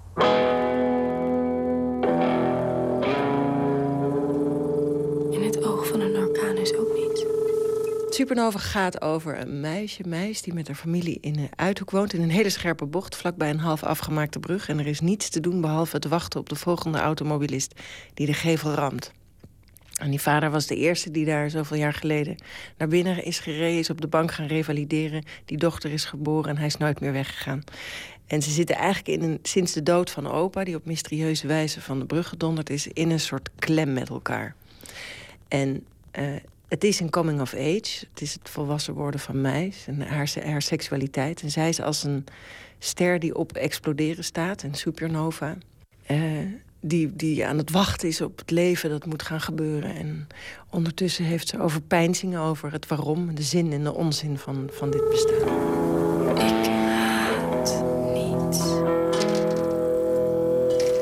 eigenlijk gaat de film. Ja, er gebeurt eigenlijk niks, hè? Nee. nee, het is een film over wachten. Dat was ook zo eng. Dat was zo spannend. Want ik, ja, de, subtitel is, is, de subtitel van de film is eigenlijk Waiting for Peugeot. Dus dat is een soort een hint aan Waiting for Godot. Dat in dat wachten de bestaansvraag opborrelt. En ja, wat, wat, doen we hier eigenlijk allemaal? Maar ik wilde juist een film maken over niks. En waarin het wachten interessant werd. En het, het wachten een soort spanning met zich meeneemt. Dus ogenschijnlijk gebeurt er niks. Maar ondertussen, onderhuids, gebeurt er van alles. En uh, of het ons zou lukken om, om dat boeiend te houden dat, dat was de vraag. Of dat communiceert, die, die soort van nietsigheid. Die natuurlijk heel veel is, maar niet, niet wat je gewend bent van een verhaal en een plot en actie en uh, dat soort dingen. Maar dan heb je daar veel over nagedacht. Dan heb je waarschijnlijk ook trucjes verzonnen om, om dat wachten interessant te maken. Kan je een voorbeeld geven? Uh, goeie vraag. Um, ja, ik, ik, vond, ik vind de herhaling heel. Het is iets heel krachtigs. En uh, je kunt, eh, eh, dat is ook bijvoorbeeld heel mooi aan, aan minimal music, als het goede is. Die lijkt hetzelfde, maar er komen steeds kleine wisselingen in een herhaling. En die, op een gegeven moment ben je dan mee. En dan wordt het bijna spannend waar die muziek daarna naartoe gaat. Dus het is een beetje zo. Zo heb ik ook gekeken naar de detaillering en de verandering. En, uh, nou ja, en als je een beetje humor pakt, dan, uh, dan lukt het ook wel dat hele wachten, dat wachten op dat er, dat er echt iets, iets groots gaat gebeuren. Ik zat daarover te denken, eigenlijk is dat de, de puberteit in een notendop. Ja. Ja, precies. Dat is het. En dat kan ik me ook nog heel goed herinneren. Dat ik op straat liep en dan naar school ging en dacht van... wat, wat gaat er vandaag gebeuren? Misschien gaat er vandaag iets gebeuren. En wat als er nu... als ik nu gevolgd zou worden door een cameraploeg... of allemaal van dat soort idiote fantasieën. En ik weet ze gewoon nog. En, en dat was dus natuurlijk. En als je daar dan achteraf over na kan denken, dan moet je er heel hard om lachen van binnen. En dus daar, vandaar ook dat gehummel van mij, is dat ze een soort van nep cowboyliedje zingt. En uh, dat, ik herinner me dat soort dingen nog gewoon. Die doe omdat je zo op die grens bent van volwassen en kind. En ja, ik weet niet. Het, het leende zich, dit verhaal, wat van, oorspronkelijk van Doof van Ranst is. En die heeft. Uh, een boek geschreven dat heet Mijn vader zegt dat wij levens redden. En die heeft deze arena geschept. En in het boek zit er meer plot in en meer, nog meer soort van uh, vertelling. Maar ik, ik was, werd zo verliefd op de setting en op deze personages. En er ging, ik ging een soort van aan in mijn hoofd. En dat idee van dat wachten en juist daar dat extremer te trekken naar het niets. En daarmee iets te vertellen over wat volwassen worden is. En wat die zoektocht is, de innerlijke zoektocht van het meisje daar, daar, ja, daar, daar, daar gingen allemaal deurtjes in mijn hoofd open. En het bijzondere was dat toen ik Do mailde van... Uh, oei, ik wil je film een andere titel geven... het was natuurlijk een stapvoet zoeken naar waar mijn vrijheid was... was zijn, eerst, was zijn reactie... Dus ik zei, en de nieuwe titel is Supernova. En toen kreeg ik terug... Ik wist wel dat we jou moesten vragen. Lijkt, lijkt Meis dan ook op jou? Ja, en op mijn dochter, denk ik. En op een paar vriendinnen. ja, ja, ja. Een goede vriendin, waar mij een beetje op lijkt... is afgestudeerd op de zwarte gaten in dit universum. Die heb ik gevraagd om wat natuurkundige equivalenten voor me te bedenken over het niets. Toen kwam ze met dat het in het oog van een orkaan is. En toen kwam ze ook met een supernova. Toen ben ik me daarin gaan verdiepen.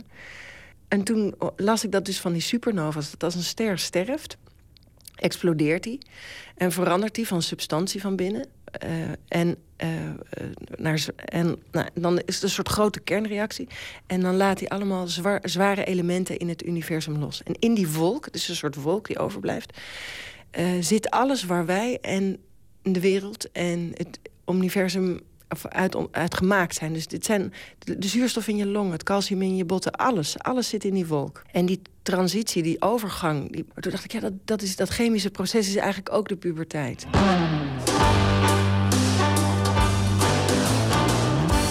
Minder dan drie seconden explodeert een ster zo groot of tien keer zo groot als de zon. 21. Ga eens uit de risicozone.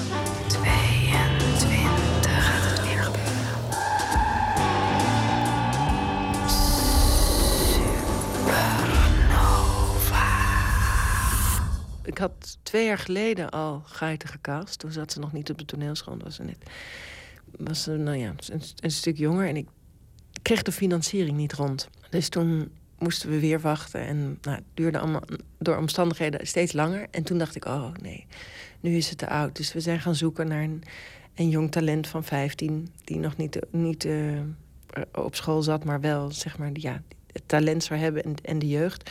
Maar omdat we een klein budget hadden, hadden we ook maar 26 draaidagen. En op een of andere manier kreeg ik Geiten ook niet uit mijn hoofd. Omdat zij dus die heerlijke combinatie heeft van een soort aantrekkelijke perversiteit heeft ze.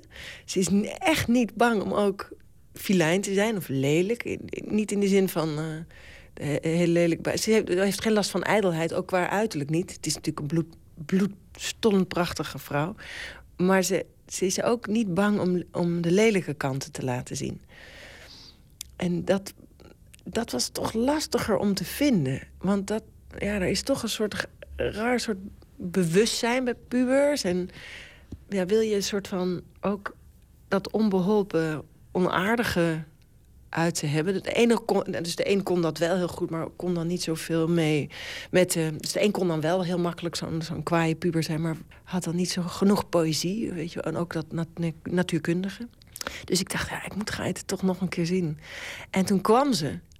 En ik zei ook, ja, waarschijnlijk ben je te oud, maar ik moet, ik moet, ik moet je zien. Moet je... En toen kwam ze en toen zag ik dat ze gewoon weer terug kon schakelen naar nog niet volwassen. Wat ik echt verbijsterend vond, want nou, ik kan me nog herinneren toen ik op de toneelschool zat.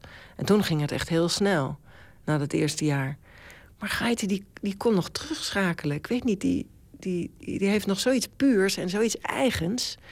Ik denk dat ze dat altijd wel zal hebben. Een soort van wars van wat mensen vinden of zo. Die kan soort terug naar een kern. Dus ik, ik dacht, nou ja, oké, 15 dat lukt niet meer, maar 17 dat lukt echt zeker. En toen ging ik daarover nadenken en de producenten waren een beetje bang van, of vonden het wel een grote beslissing eigenlijk allemaal van, ja, dan laat je echt dat 15-jarige soort puppyachtige vet laat je los. Wil, wil, wil je dat wel? Maar toen dacht ik, ja, het is eigenlijk nog veel interessanter, want haar seksualiteit wordt veel dreigender nu. En eh, hoe ze naar haar ouders kijkt, kan nog veel filijner worden. En dat ze nog twijfelt en zoekt, dat kon ze gewoon laten zien. En dat ze nog niet volwassen was ook. Dus ja, ik wist het, ik wist het. En ik kreeg allemaal nieuwe ideeën, waardoor de scènes nog beter zijn geworden. Bijvoorbeeld dat voorlezen voor pa dacht ik, ja, dat moet dan topless. Dat moet topless, dat kan. Met Geiten kan dat. Dus uh, overlegd en uh, ja, oké, okay, was ze mee eens. En daardoor werd het dus nog veel wranger en, en vind ik geestiger. Juist doordat ik uh, Geiten had. Je, fil je durft er ook heel sexy te filmen, hè? Ja, ja, dat was ook heel grappig. Dan de onderwatercameraman die ging zo heel voorzichtig langs de zijkant van dat, van dat broekje. Ik zei: nee, nee, nee, nee, gewoon over dat kruis naar boven en dan langs die vliebeltjes, want dat is sexy. En, toen, en Geit heeft ook een keer gezegd: Jezus, Dop, uh, als jij een man was geweest, dan uh, had je dit allemaal niet kunnen doen. Uh, elke tweede regieaanwijzing van jou is: ja, geiler, het mag geiler. maar dat was ook, ja, ik weet niet, dat is omdat ik inderdaad ook een vrouw ben en het heb over mijn eigen seksualiteit, denk ik. En ik heb er hele leuke gesprekken met Elise en Geit over gehad. Over hoe, hoe soms truttig ik vind dat de vrouwelijke seksualiteit in beeld wordt gebracht. En ook als je naar videoclipjes kijkt of, of naar foto's, dan is het, heeft het meer iets aerodynamisch en reukvrij en uh, bacterieloos. Dan dat het echt met erotiek te maken heeft. Ik zijn een soort van gechoqueerd als we schaamhaar zien of ongeschoren oksels. Dan ik en ah en uh. En, en ik, vond, ik, verbaas me daar gewoon over. En ze, zei ik, ik zou het zo leuk vinden dat we bijna een soort van uh, licht schaam, schaamrood op kaken krijgen... door gewoon heel natuurlijk daarmee om te gaan. En juist daar heel evident in je lichaam te zitten. Want dat past ook bij dat meisje. En ze vonden dat alle twee ook heel leuk. En je ziet dat heel goed aan die scènes die ze samen hebben. Hoe, ja, daar, daar, ja, dat hebben ze begrepen en gevat en willen laten zien. Ik dacht, ja, al, bereiken we maar één puber... die daarna niet met een trui over de billen loopt. Maar denkt, yeah, yeah, dit is mijn lichaam, het is mooi. Ik kan er, het is tof, tof om dit lichaam te hebben. Dan is het goed. Ja. Maar het, pa het, past ook heel erg bij jouw hele zintuigelijke manier van filmen. Je houdt er heel erg van alle zintuigen te prikkelen door, door beeld. Ja, dat, ik vind dat machtig aan het medium cinema. Want je zit in een donkere zaal met goede boksen, groot doek. En je kan dus met die combinatie van dat beeld en het geluid dingen laten ruiken en dingen laten voelen. Je voelt bijna vocht in haar handen als ze kikkervisjes vast heeft. Je voelt ze vriemelen. En uh, ik weet niet, dat is. Ik denk ook omdat ik zelf theater doe, waaruit het. Uh, ja, dat begint eigenlijk vanuit taal. En dan kun je wel beelden scheppen, maar dat heeft een soort groter filosofisch gehalte, denk ik. En, en dit is een soort, ja, je kunt veel zintuigelijker nog, vind ik, in, in film. En dat is wat ik er zo machtig aan vind. Omdat dan kun je op een ander niveau ook een verhaal vertellen... of iets delen of iets aanspreken in wat wij allemaal, wij allemaal over de hele wereld delen. We mogen dankbaar zijn dat we hier mogen wonen. Dankbaar? Ja. We wonen hier met een doel, een missie. Dit huis heeft zeven levens gered, ook dat van mij. Hoe hard reed jij? Te hard. Deed pijn? Ik vind het heel belangrijk dat een film, dat de inhoud van een film door de vorm versterkt wordt en vice versa. Dat dat met elkaar te maken heeft. Ik wil niet een verhaaltje bedenken dat iemand anders voor mij wel verzint hoe het er dan leuk uitziet. Dat, dat, eh, dat in elk shot en in, in, in de decoupage en in vorm die je kiest of de stijl die je kiest, kun je dan versterken waar je het over wil hebben. En dit, gaat, dit is een ode aan het leven. Je ziet een soort levenscirkel van een meisje, een moeder en een oma. Dus, en ze heeft het over waarom alles is en wat doen we daarmee. Dus ja, dat landschap is, een, is, een, is, is het, eh, wat is het, eh, we zijn, ze zijn met z'n vieren, het vijfde personage, hoofdpersonage in die film. Dus die ja, moest ook een plek hebben, dus landschappen. En dus kwam ik ook op western. En toen ik dat bedacht en uh, met, met iedereen overlegde, bleek dat ook heel goed te communiceren. Voor iedereen viel het verhaal op zijn plek. Die plek waar ze zijn, je maakt het eigenlijk best wel viezig. Maar je, je haalt een soort schoonheid uit de viezigheid.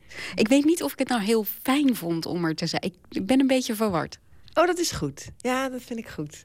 Ja, want het moet geen lieve, leuke, knisperende Hollandse molenfilm. Daar bij die Hollandse molenfilm zijn. Het moest heel zweterig en viezig en dat asfalt en verbleekt plastic in de, in de tuin en vliegen. En het moest smerig zijn. Want dat is... Het, is, het is hoogzomer, hè? Ja, het is hoogzomer.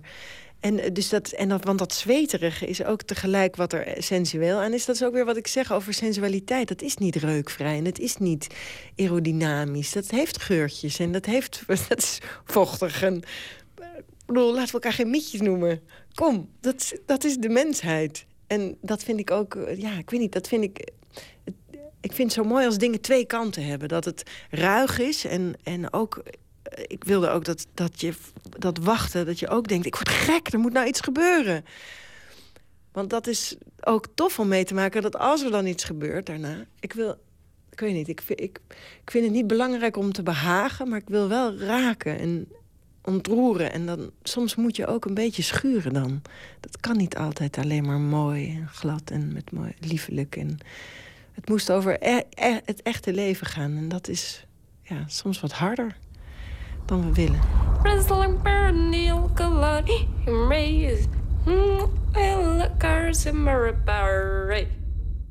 Floortje Smit in gesprek met regisseur Tamar van den Dop. De film Supernova draait vanaf morgen in de bioscoop. Als onze muzieksamensteller tien liedjes mee mocht nemen naar een onbewoond eiland, zegt ze, dan zou deze erbij zitten. Karen Dalton was een zangeres in de bloeitijd van de folk in New York op Greenwich Village. Ze speelde samen met Bob Dylan, Fred Neil en andere grootheden, maar raakte aan lager wal en stierf uiteindelijk eenzaam en arm in 1993. En dan ook nog haar mooiste nummer, de traditional Katie Cruel, waarin zij drinkt als, klinkt als de folksingers answer to Billie Holiday. Karen Dalton.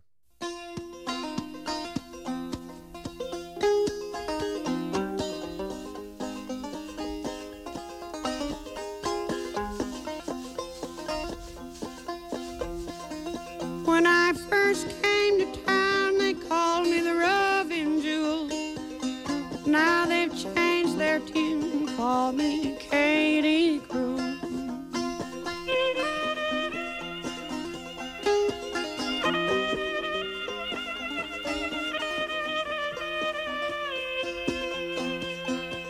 Through the woods I'm going, through the boggy and straight way down the road till I come to my heart's desire.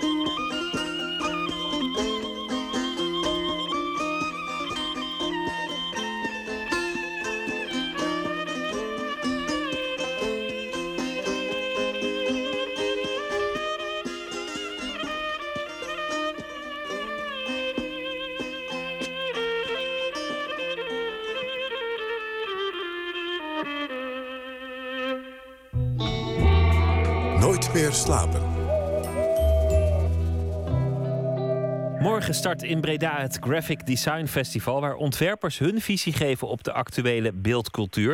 Het is de vierde editie alweer van dit tweejaarlijkse evenement. En Rutger Termolen is een van de deelnemende ontwerpers, want hij doet aan urban sign painting. Goedenacht, Rutger. Hallo, goedenavond. Je voelt de vraag al aankomen. Wat is dat, urban sign painting? Uh, urban sign painting. Ehm, het is eigenlijk een, uh, uh, een, een, een, hele klassieke vorm van, ehm, ja, van reclame schilderen. Echt handmatige reclame schilderen. En je ziet dat het eigenlijk steeds meer terug aan het komen is. Je merkt dat, dat al het visuele beeldcultuur en ja, al het geweld, zal ik maar zeggen, om je heen wat met de computer gemaakt is, dat daar toch weer vraag is naar ehm, ja, echt het, handwerk eigenlijk. Je kunt ja, urban sign painting kun je eigenlijk zien als ehm, enorme muurschilderingen die een bepaalde zin of een, nou ja, een bepaald merk weergeven. Zoals vroeger zag je nog wel eens een, een sigarettenmerk op de muur geschilderd of... ja of een bandenmerk, noem maar iets. En dan en vaak ook best wel mooi geschilderd. Tegenwoordig heb je overal billboards, overal van die verwisselbare billboards. Ja. Dus ja, de essentie van reclame is opvallen. Dus waarom niet gewoon terug naar dat signpainting? Ja, nou ja, dat is eigenlijk toch ook inderdaad wat ik, ja, wat ik net al aangaf, is, is, is, toch om, om weer te laten zien dat, uh, um, ja, dat er zo'n enorme kwaliteit is in, in, in het handmatig uh, schilderen van ja, hè, uh, reclames of woorden of zinnen. In plaats van dat alles heel snel uitgeplot wordt via een computerbestand of een programma. En, Wat, ja, ja. ja. Wat ga je doen tijdens het festival in Breda? wat we tijdens het festival gaan doen, ehm, de plek waar we gaan schilderen, die, die staat eigenlijk bekend ja, onder de Bredaardenaars als een, een, een heel groot oude begraafplaats. En uh, vooral ook in de middeleeuwen werden daar ontzettend veel uh, ja, mensen begraven met de pest. En, maar ook dakloze mensen en zwervers en dat soort dingen. En eigenlijk hebben we de link gevonden om, om daar in ieder geval iets, iets mee te gaan doen. in de zin van, hoe, hoe, hoe, kunnen we dat naar voren brengen als ja, soort reclame, zal ik maar zeggen. Waar maken, jullie, waar maken jullie reclame voor? Of, of is het meer vrijwerk wat jullie gaan doen? Dit is, uh, het is echt vrijwerk. Het kunnen, uh, het, het, kunnen bepaalde statements kunnen het zijn, zowel negatief als positief bedoeld. Um, maar het, het, is, het is voornamelijk echt vrijwerk. Ja. Wat vind je nou echt hele mooie muurschilderingen van wel eer... waarvan je denkt, ja, nou ja, dat is echt een, een klassieker... die zou nooit meer van de muur gewit mogen worden... of had er nooit vanaf gewit mogen worden? Oeh, dat is ontzettend moeilijk. Uh, er zijn namelijk, uh, ja, jeetje... Vind ik persoonlijk vind ik dat heel erg moeilijk om te zeggen. Ik, ik bedoel, als ik dan toch ga kijken naar mijn, uh, naar mijn thuisstad dan zijn het toch eigenlijk de, de, ja, de oude merken die hier uh, ontstaan zijn. En uh, ja, waarvan ze echt uh, ja, muren weg hebben gehaald. En, en, en ja, goed, hebben overgeschilderd. Of, of de panden zijn in die tijd zijn die gesloopt. Noem, noem eens wat? Je, ja, de Faam, de, de, de, de Saval. Het zijn eigenlijk ja, vrij grote merken. De Hero die, ja, die toen eigenlijk heel erg veel gebruik maakten van dat, dat die hele oude vorm, zeg maar. En dat is nu in, inmiddels is dat natuurlijk allemaal veranderd in, ja, in digitaal werk. Ja. Heb je al muren op het oog? Loop je al weken door de stad daar en denkt, oh deze muur die, die zou ik zo graag onder handen willen nemen? Ja, we hebben, uh, we hebben met de organisatie van het Graphic Design Festival hebben we eigenlijk een half jaar geleden zijn we echt gaan zoeken. Uh, en hebben we inderdaad een aantal ja, plekken gevonden die, die ons ja, geschikt leken. En nou ja, daar zijn uiteindelijk is de organisatie die is daar achteraan gegaan. En ja, die hebben we nu, ja, daar hebben we nu toestemming voor gekregen. Dus daar, gaat het, daar gaat het gebeuren? daar gaat het gebeuren, ja. ja. Nou is er iets anders wat ermee te maken heeft dat, dat alles steeds uniformer is geworden. Waar je in Nederland ook door een winkelstraat loopt, het is dezelfde winkelstraat. Waar je ook in Nederland op een billboard kijkt, je krijgt dezelfde reclame. Sterker nog, dat begint eigenlijk nu langzaamaan in heel Europa te gelden. Ze hebben overal in Europa zo'n beetje dezelfde winkels, zo'n beetje dezelfde reclames. Ja.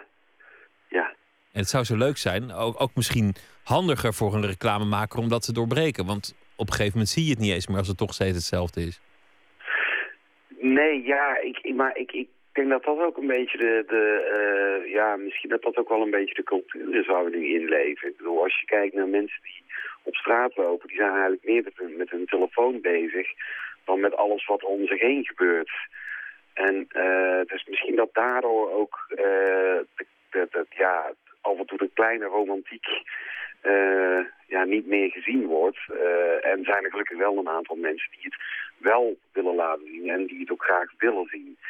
Eh, en ik denk dat, daardoor, dat we daardoor ook heel erg kiezen om ja, deze vorm weer uit te gaan oefenen. En ook eens ja, te bekijken van hoe het plekken ook weer op kan knappen.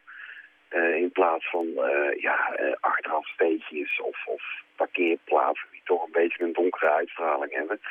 Om toch te laten zien dat er ook een, eh, een andere manier is, een positieve manier is. Ja, vanaf morgen dus in, in Breda, het Graphic Design Festival. Het eh, thema is eh, Connecting the Dots. Wat gebeuren er verder nog voor dingen?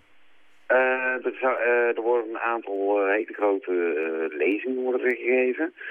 Ehm, er zijn een aantal filmpresentaties. Er zijn heel veel exposities. Ehm, ja, kortom, er is, er is ontzettend veel is er te zien. En om, om daar echt iets specifiek in op te noemen, eh, ja, ik zou zeggen van eh, ga vooral naar de website kijken of eh, ga het vooral opzoeken en dan, ja, Dan zie je het vanzelf. En de bezoekers van het festival die kunnen jou ook live aan het werk zien, want jij bent, bent aan het schilderen tijdens het festival. Ja, ik ben zelf schilder ik van eh 17, 18 en 19 eh, april. En daarna eh, zal er, eh, ja, eigenlijk tot en met de 27e zullen verschillende mensen elkaar zich zeg maar weer op, eh, ja, opvolgen. Met grote muurschilderingen, zodat we uiteindelijk een, een soort ja, grote, groot buitenmuseum maken, om het maar even zo te zeggen. Ik wens je heel veel plezier en Ja. heel veel succes. Rutger Termolen, dank je wel. En ik noem het toch even het Graphic Design Festival in Breda vanaf morgen. En dat eh, loopt nog door tot in het weekeinde. Heel veel succes, dank je wel. Oké, vrienden bedankt. Tot kijk. Dag. Verloren Soul Parels, die vind je op de CD Lost Soul Gems from Sounds of Memphis. Allemaal muziek uit Memphis uit de jaren 70. En daarop vind je ook de Jacksonians. Niet de Jacksons, maar de Jacksonians. Over wie we eerder vrij weinig hebben kunnen vinden. En dit is hun versie van het nummer Vehicle.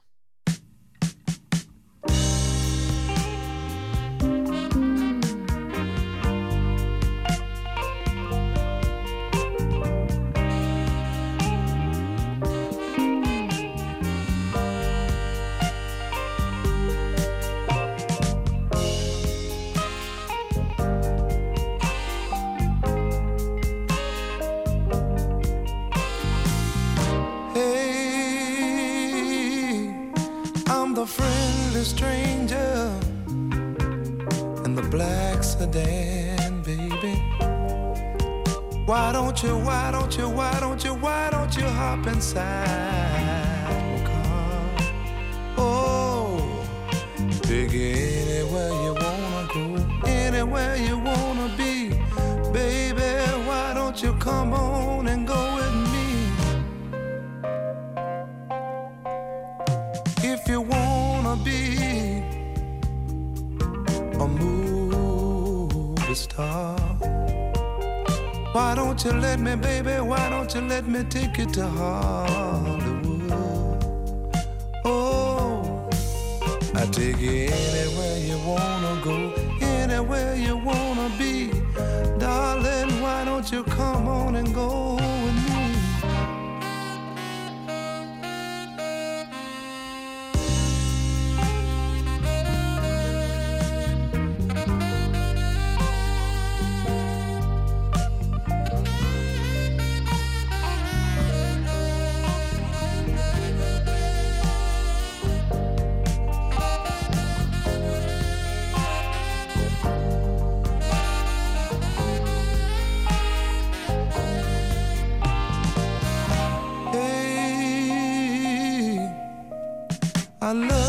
darling, more than words could ever say.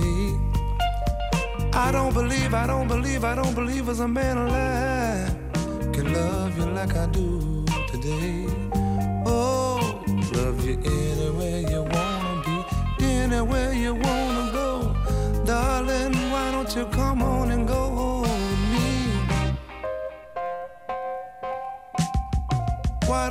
step into my world? I'm gonna make you a brand new girl. Why don't you come on and lay in my arms and let me let me tell you where I'm coming from. Hey, I need you, baby, more than words could ever say. Come on and go with me, darling. I make you a better girl and every day. I love you, baby. Hey, I need you, baby. Oh, I love you, baby.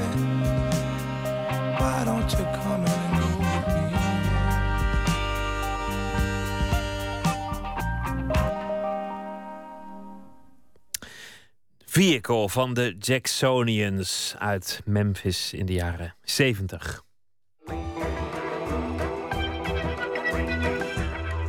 U luistert naar Nooit meer slapen. Vroeger werkte de 43-jarige André Platil in het bedrijfsleven. Maar hij had een verhaal te vertellen en stortte zich dus op het schrijven van een roman.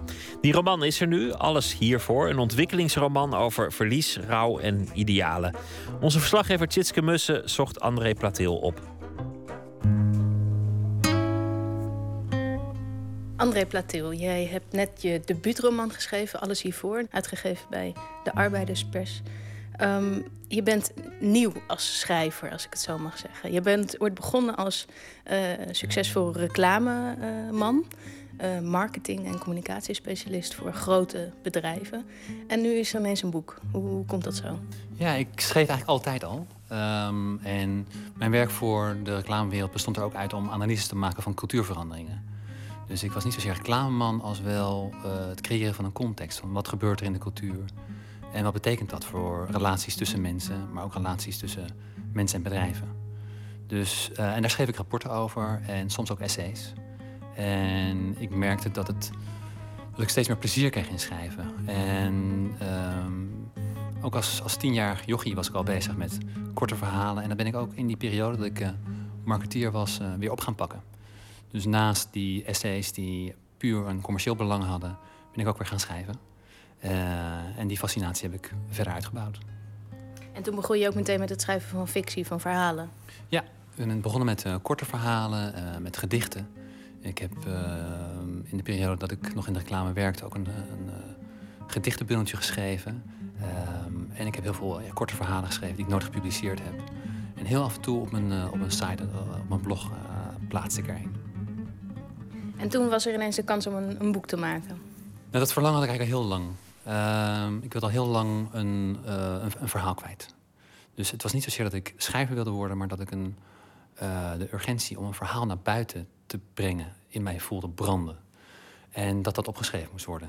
En dat was eigenlijk alsof ik geen keuze had. Ik wilde dat heel graag schrijven. Ik twijfelde enorm over mijn capaciteiten als schrijver. Uh, kon ik dit wel? Uh, ik was uh, een jaar of veertig toen ik met deze roman begon. Dus ik ben er 4,5 jaar mee bezig geweest. Ben ik niet te oud? kan dit nog wel? En ik had het gevoel dat, dat, het, dat er eigenlijk geen keuze was. Dat het schrijven vanzelf ging, ondanks die twijfels. En hoe ging je toen te werk? Is dat, dat is ook je dagelijkse bezigheid geworden? Of deed je nog dingen daarnaast? Uh, nauwelijks dingen ernaast. Ik ben uh, me gaan bezighouden met uh, stukjes schrijven, spontaan. Nog geen structuur aanbrengen. Nog geen idee van een verhaallijn. Maar de dingen die ik in me opvoelde borrelen. Om die gewoon op papier te zetten. en langzaam vormde zich een, zich een verhaal. het begon eigenlijk met, eerst met kunstessays. Ik was zelf lange tijd heel erg geïnteresseerd in kunst en hoe ik aan de hand van kunst mezelf staande kon houden in de wereld. Alsof kunst voor mij een oriëntatie was om meer te weten te komen over wie ik zelf ben, maar ook waar de wereld naartoe gaat. En dus ik begon eigenlijk met het schrijven van kunstessays, waarvan er een vijftal of zestal in het, eh, in het boek zijn verschenen. Die ook kenmerkend zijn voor de manier waarop Jonathan, de hoofdpersoon in de roman, eh, in de wereld staat. Hij heeft een, eh, een traumatische gebeurtenis achter de kiezen. En eh, gebruikt de kunst eigenlijk om zich staande te houden.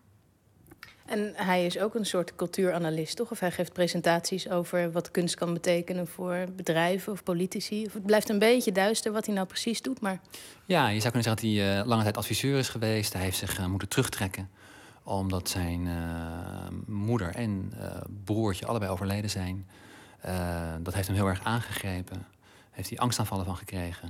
En daardoor is eh, zijn mogelijkheid om een carrière op te bouwen eigenlijk ontnomen. En in die periode van, eh, van terugtrekking heeft hij de kunst aangegrepen om zichzelf staande te houden. Vervolgens voelt hij zich weer krachtig genoeg om erop uit te trekken.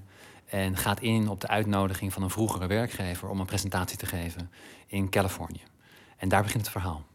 ja, daar begint het verhaal. Want daar ontmoet hij eh, de eerste belangrijke persoon in dit boek, de Noor. Kun je eens beschrijven wat dat voor iemand is? Ja, de Noor is een, eh, een, een charismatische man die er nogal bijzondere ideeën op nahoudt over hoe de wereld georganiseerd is. En hoe we ons kunnen bevrijden als mens en als wereld.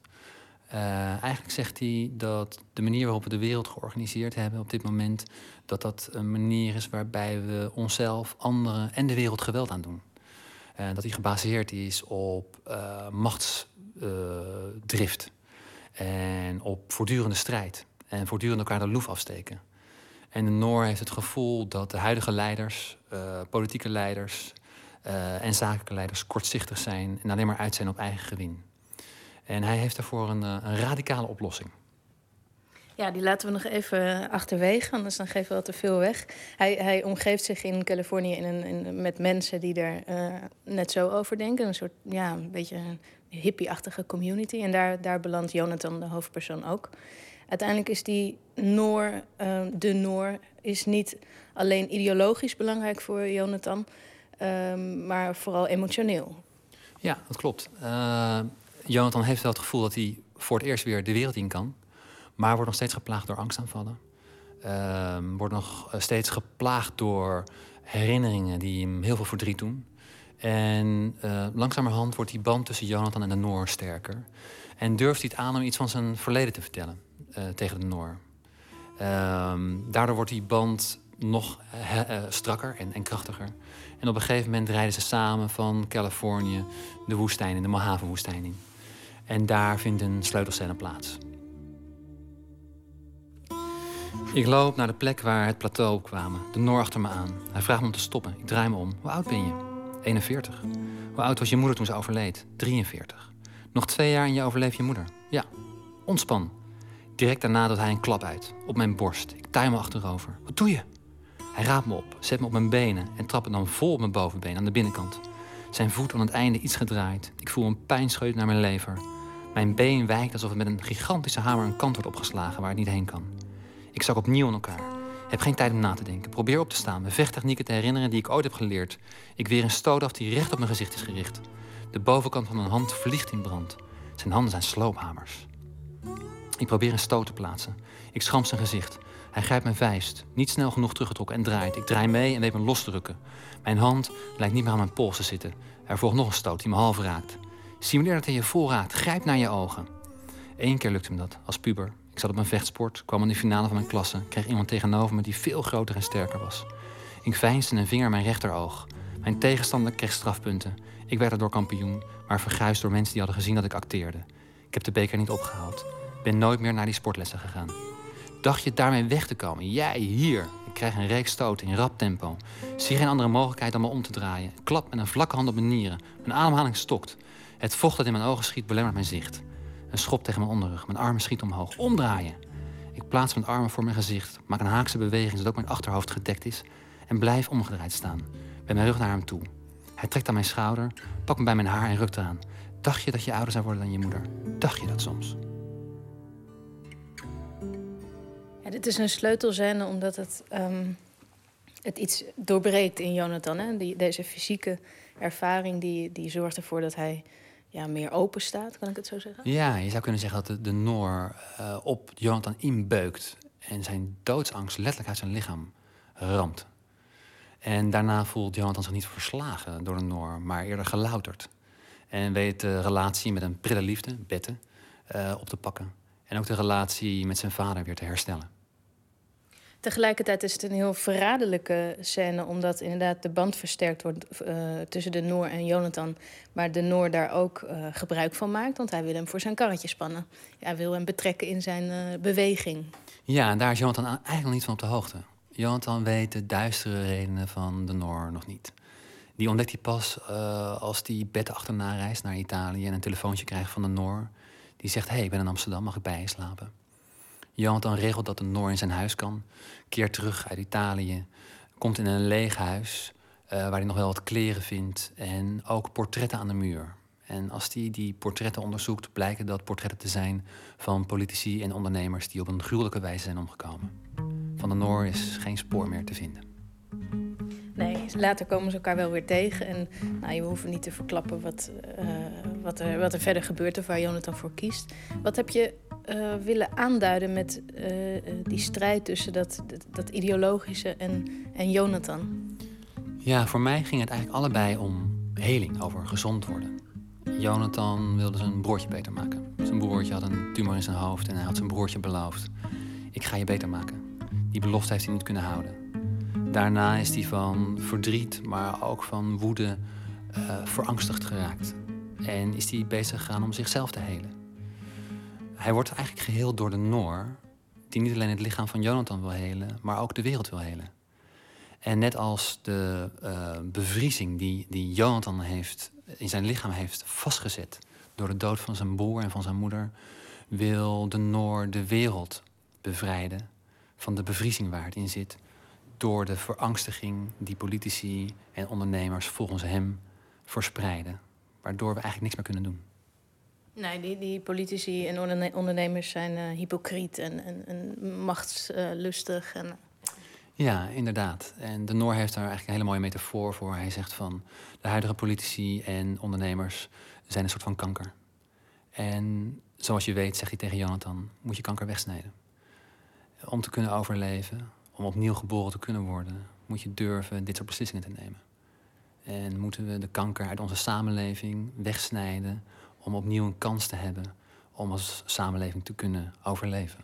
ja, en Jonathan zegt dan van ja, maar net als met kanker, dat, eh, dat keert toch vaak vroeg of laat weer terug. Of je hebt het nooit helemaal weggehaald. Zo zal dit ook niet werken. En tegelijkertijd kan hij er niet helemaal van loskomen. Nee, hij kan er niet van loskomen, omdat hij ook voelt hoe eh, de Noor hem wel geheeld heeft. En iets waar, waartegen hij zelf zeven jaar gevochten heeft om dat eh, te helen, om dat thuis te brengen, die woede, werd door één gevecht op een berg in de Mojave-woestijn door de Noor wel compleet weggevaagd. Dus hij kan ook de kracht doorzien van de Noor. En misschien verlangt hij daar ook wel naar, om iemand in zijn leven te hebben die verantwoordelijkheid durft te nemen. Jonathan durft dat zelf niet meer. Misschien te voorzichtig dat in een wereld die ons zo dicht genaderd is, waarin het nog nauwelijks mogelijk is om jezelf uit te spreken, om te zeggen of je voor iets voor of tegen bent, zonder dat je vervalt in overmoed of arrogantie. Misschien is hij wel gefascineerd door de Noor die daar geen enkele ehm, eh, angst voor heeft om die verantwoordelijkheid wel te nemen. En daarin heel actie- en daadgericht te zijn. Is dat een wereldbeeld dat jij deelt? Ik denk dat het lastig is om in deze wereld waarin er nou, heel veel gebeurt en waarin we zien dat de manier waarop we de wereld georganiseerd hebben, dat dat eh, hier en daar ook best eh, lastig is om het vol te blijven houden, willen we overleven. Ehm, dat het lastig is om daar stelling in te nemen. En we, zijn, we komen uit een periode waarin we heel cynisch waren. En dat cynisme was een soort van schild. Maar de wereld is ons nou, nu zo dicht genaderd. Eh, onze voeding, onze lucht, ons water is allemaal vervuild. Uh, schofterigheid is tot onze voordeur gekropen. Dat we wel gedwongen worden om stellingname te nemen. Maar het lijkt alsof we niet in beweging kunnen komen. Alsof we na het cynisme in een soort van shock zijn beland. Zoals Jonathan na het cynisme van het overlijden van zijn broer... waarin hij het lijk van zijn broer eigenlijk het liefst... in de dichtstbijzijnde rivier wilde gooien daarna in een shock is geraakt, lijkt de wereld eenzelfde proces mee te maken. Waarin het eerst van cynisme in bevriezing is geraakt. En misschien is er wel zo iemand nodig als de Noor. om net als het lichaam van Jonathan te bevrijden van die shock. De wereld te bevrijden van de shock waar het in zit.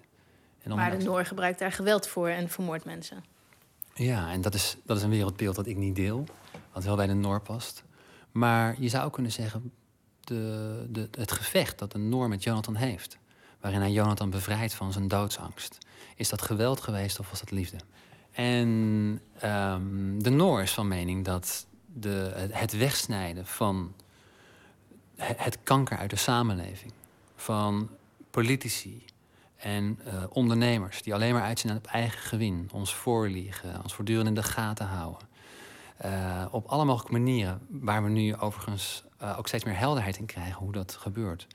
Voor hem is dat een daad van liefde. Nou zei je eerder, ik had altijd al het gevoel dat ik een verhaal wilde vertellen. En is dit het verhaal dat jij wilde vertellen?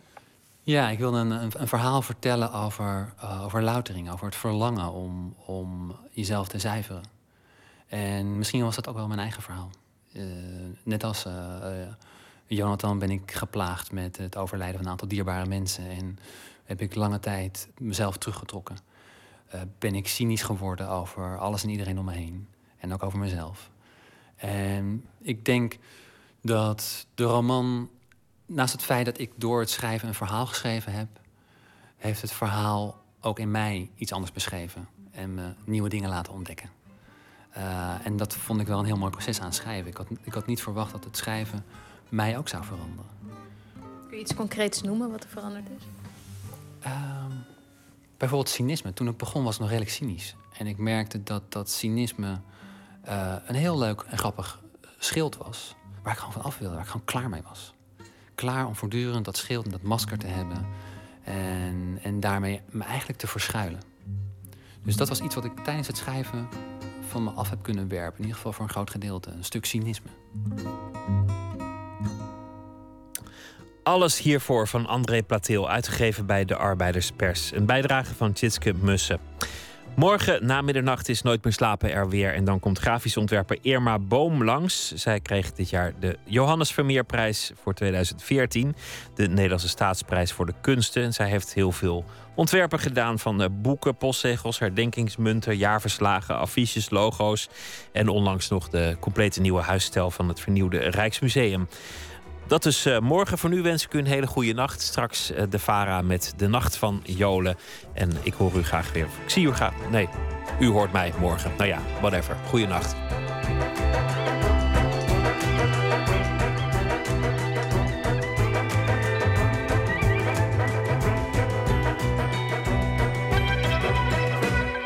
Op Radio 1, het nieuws van alle kanten.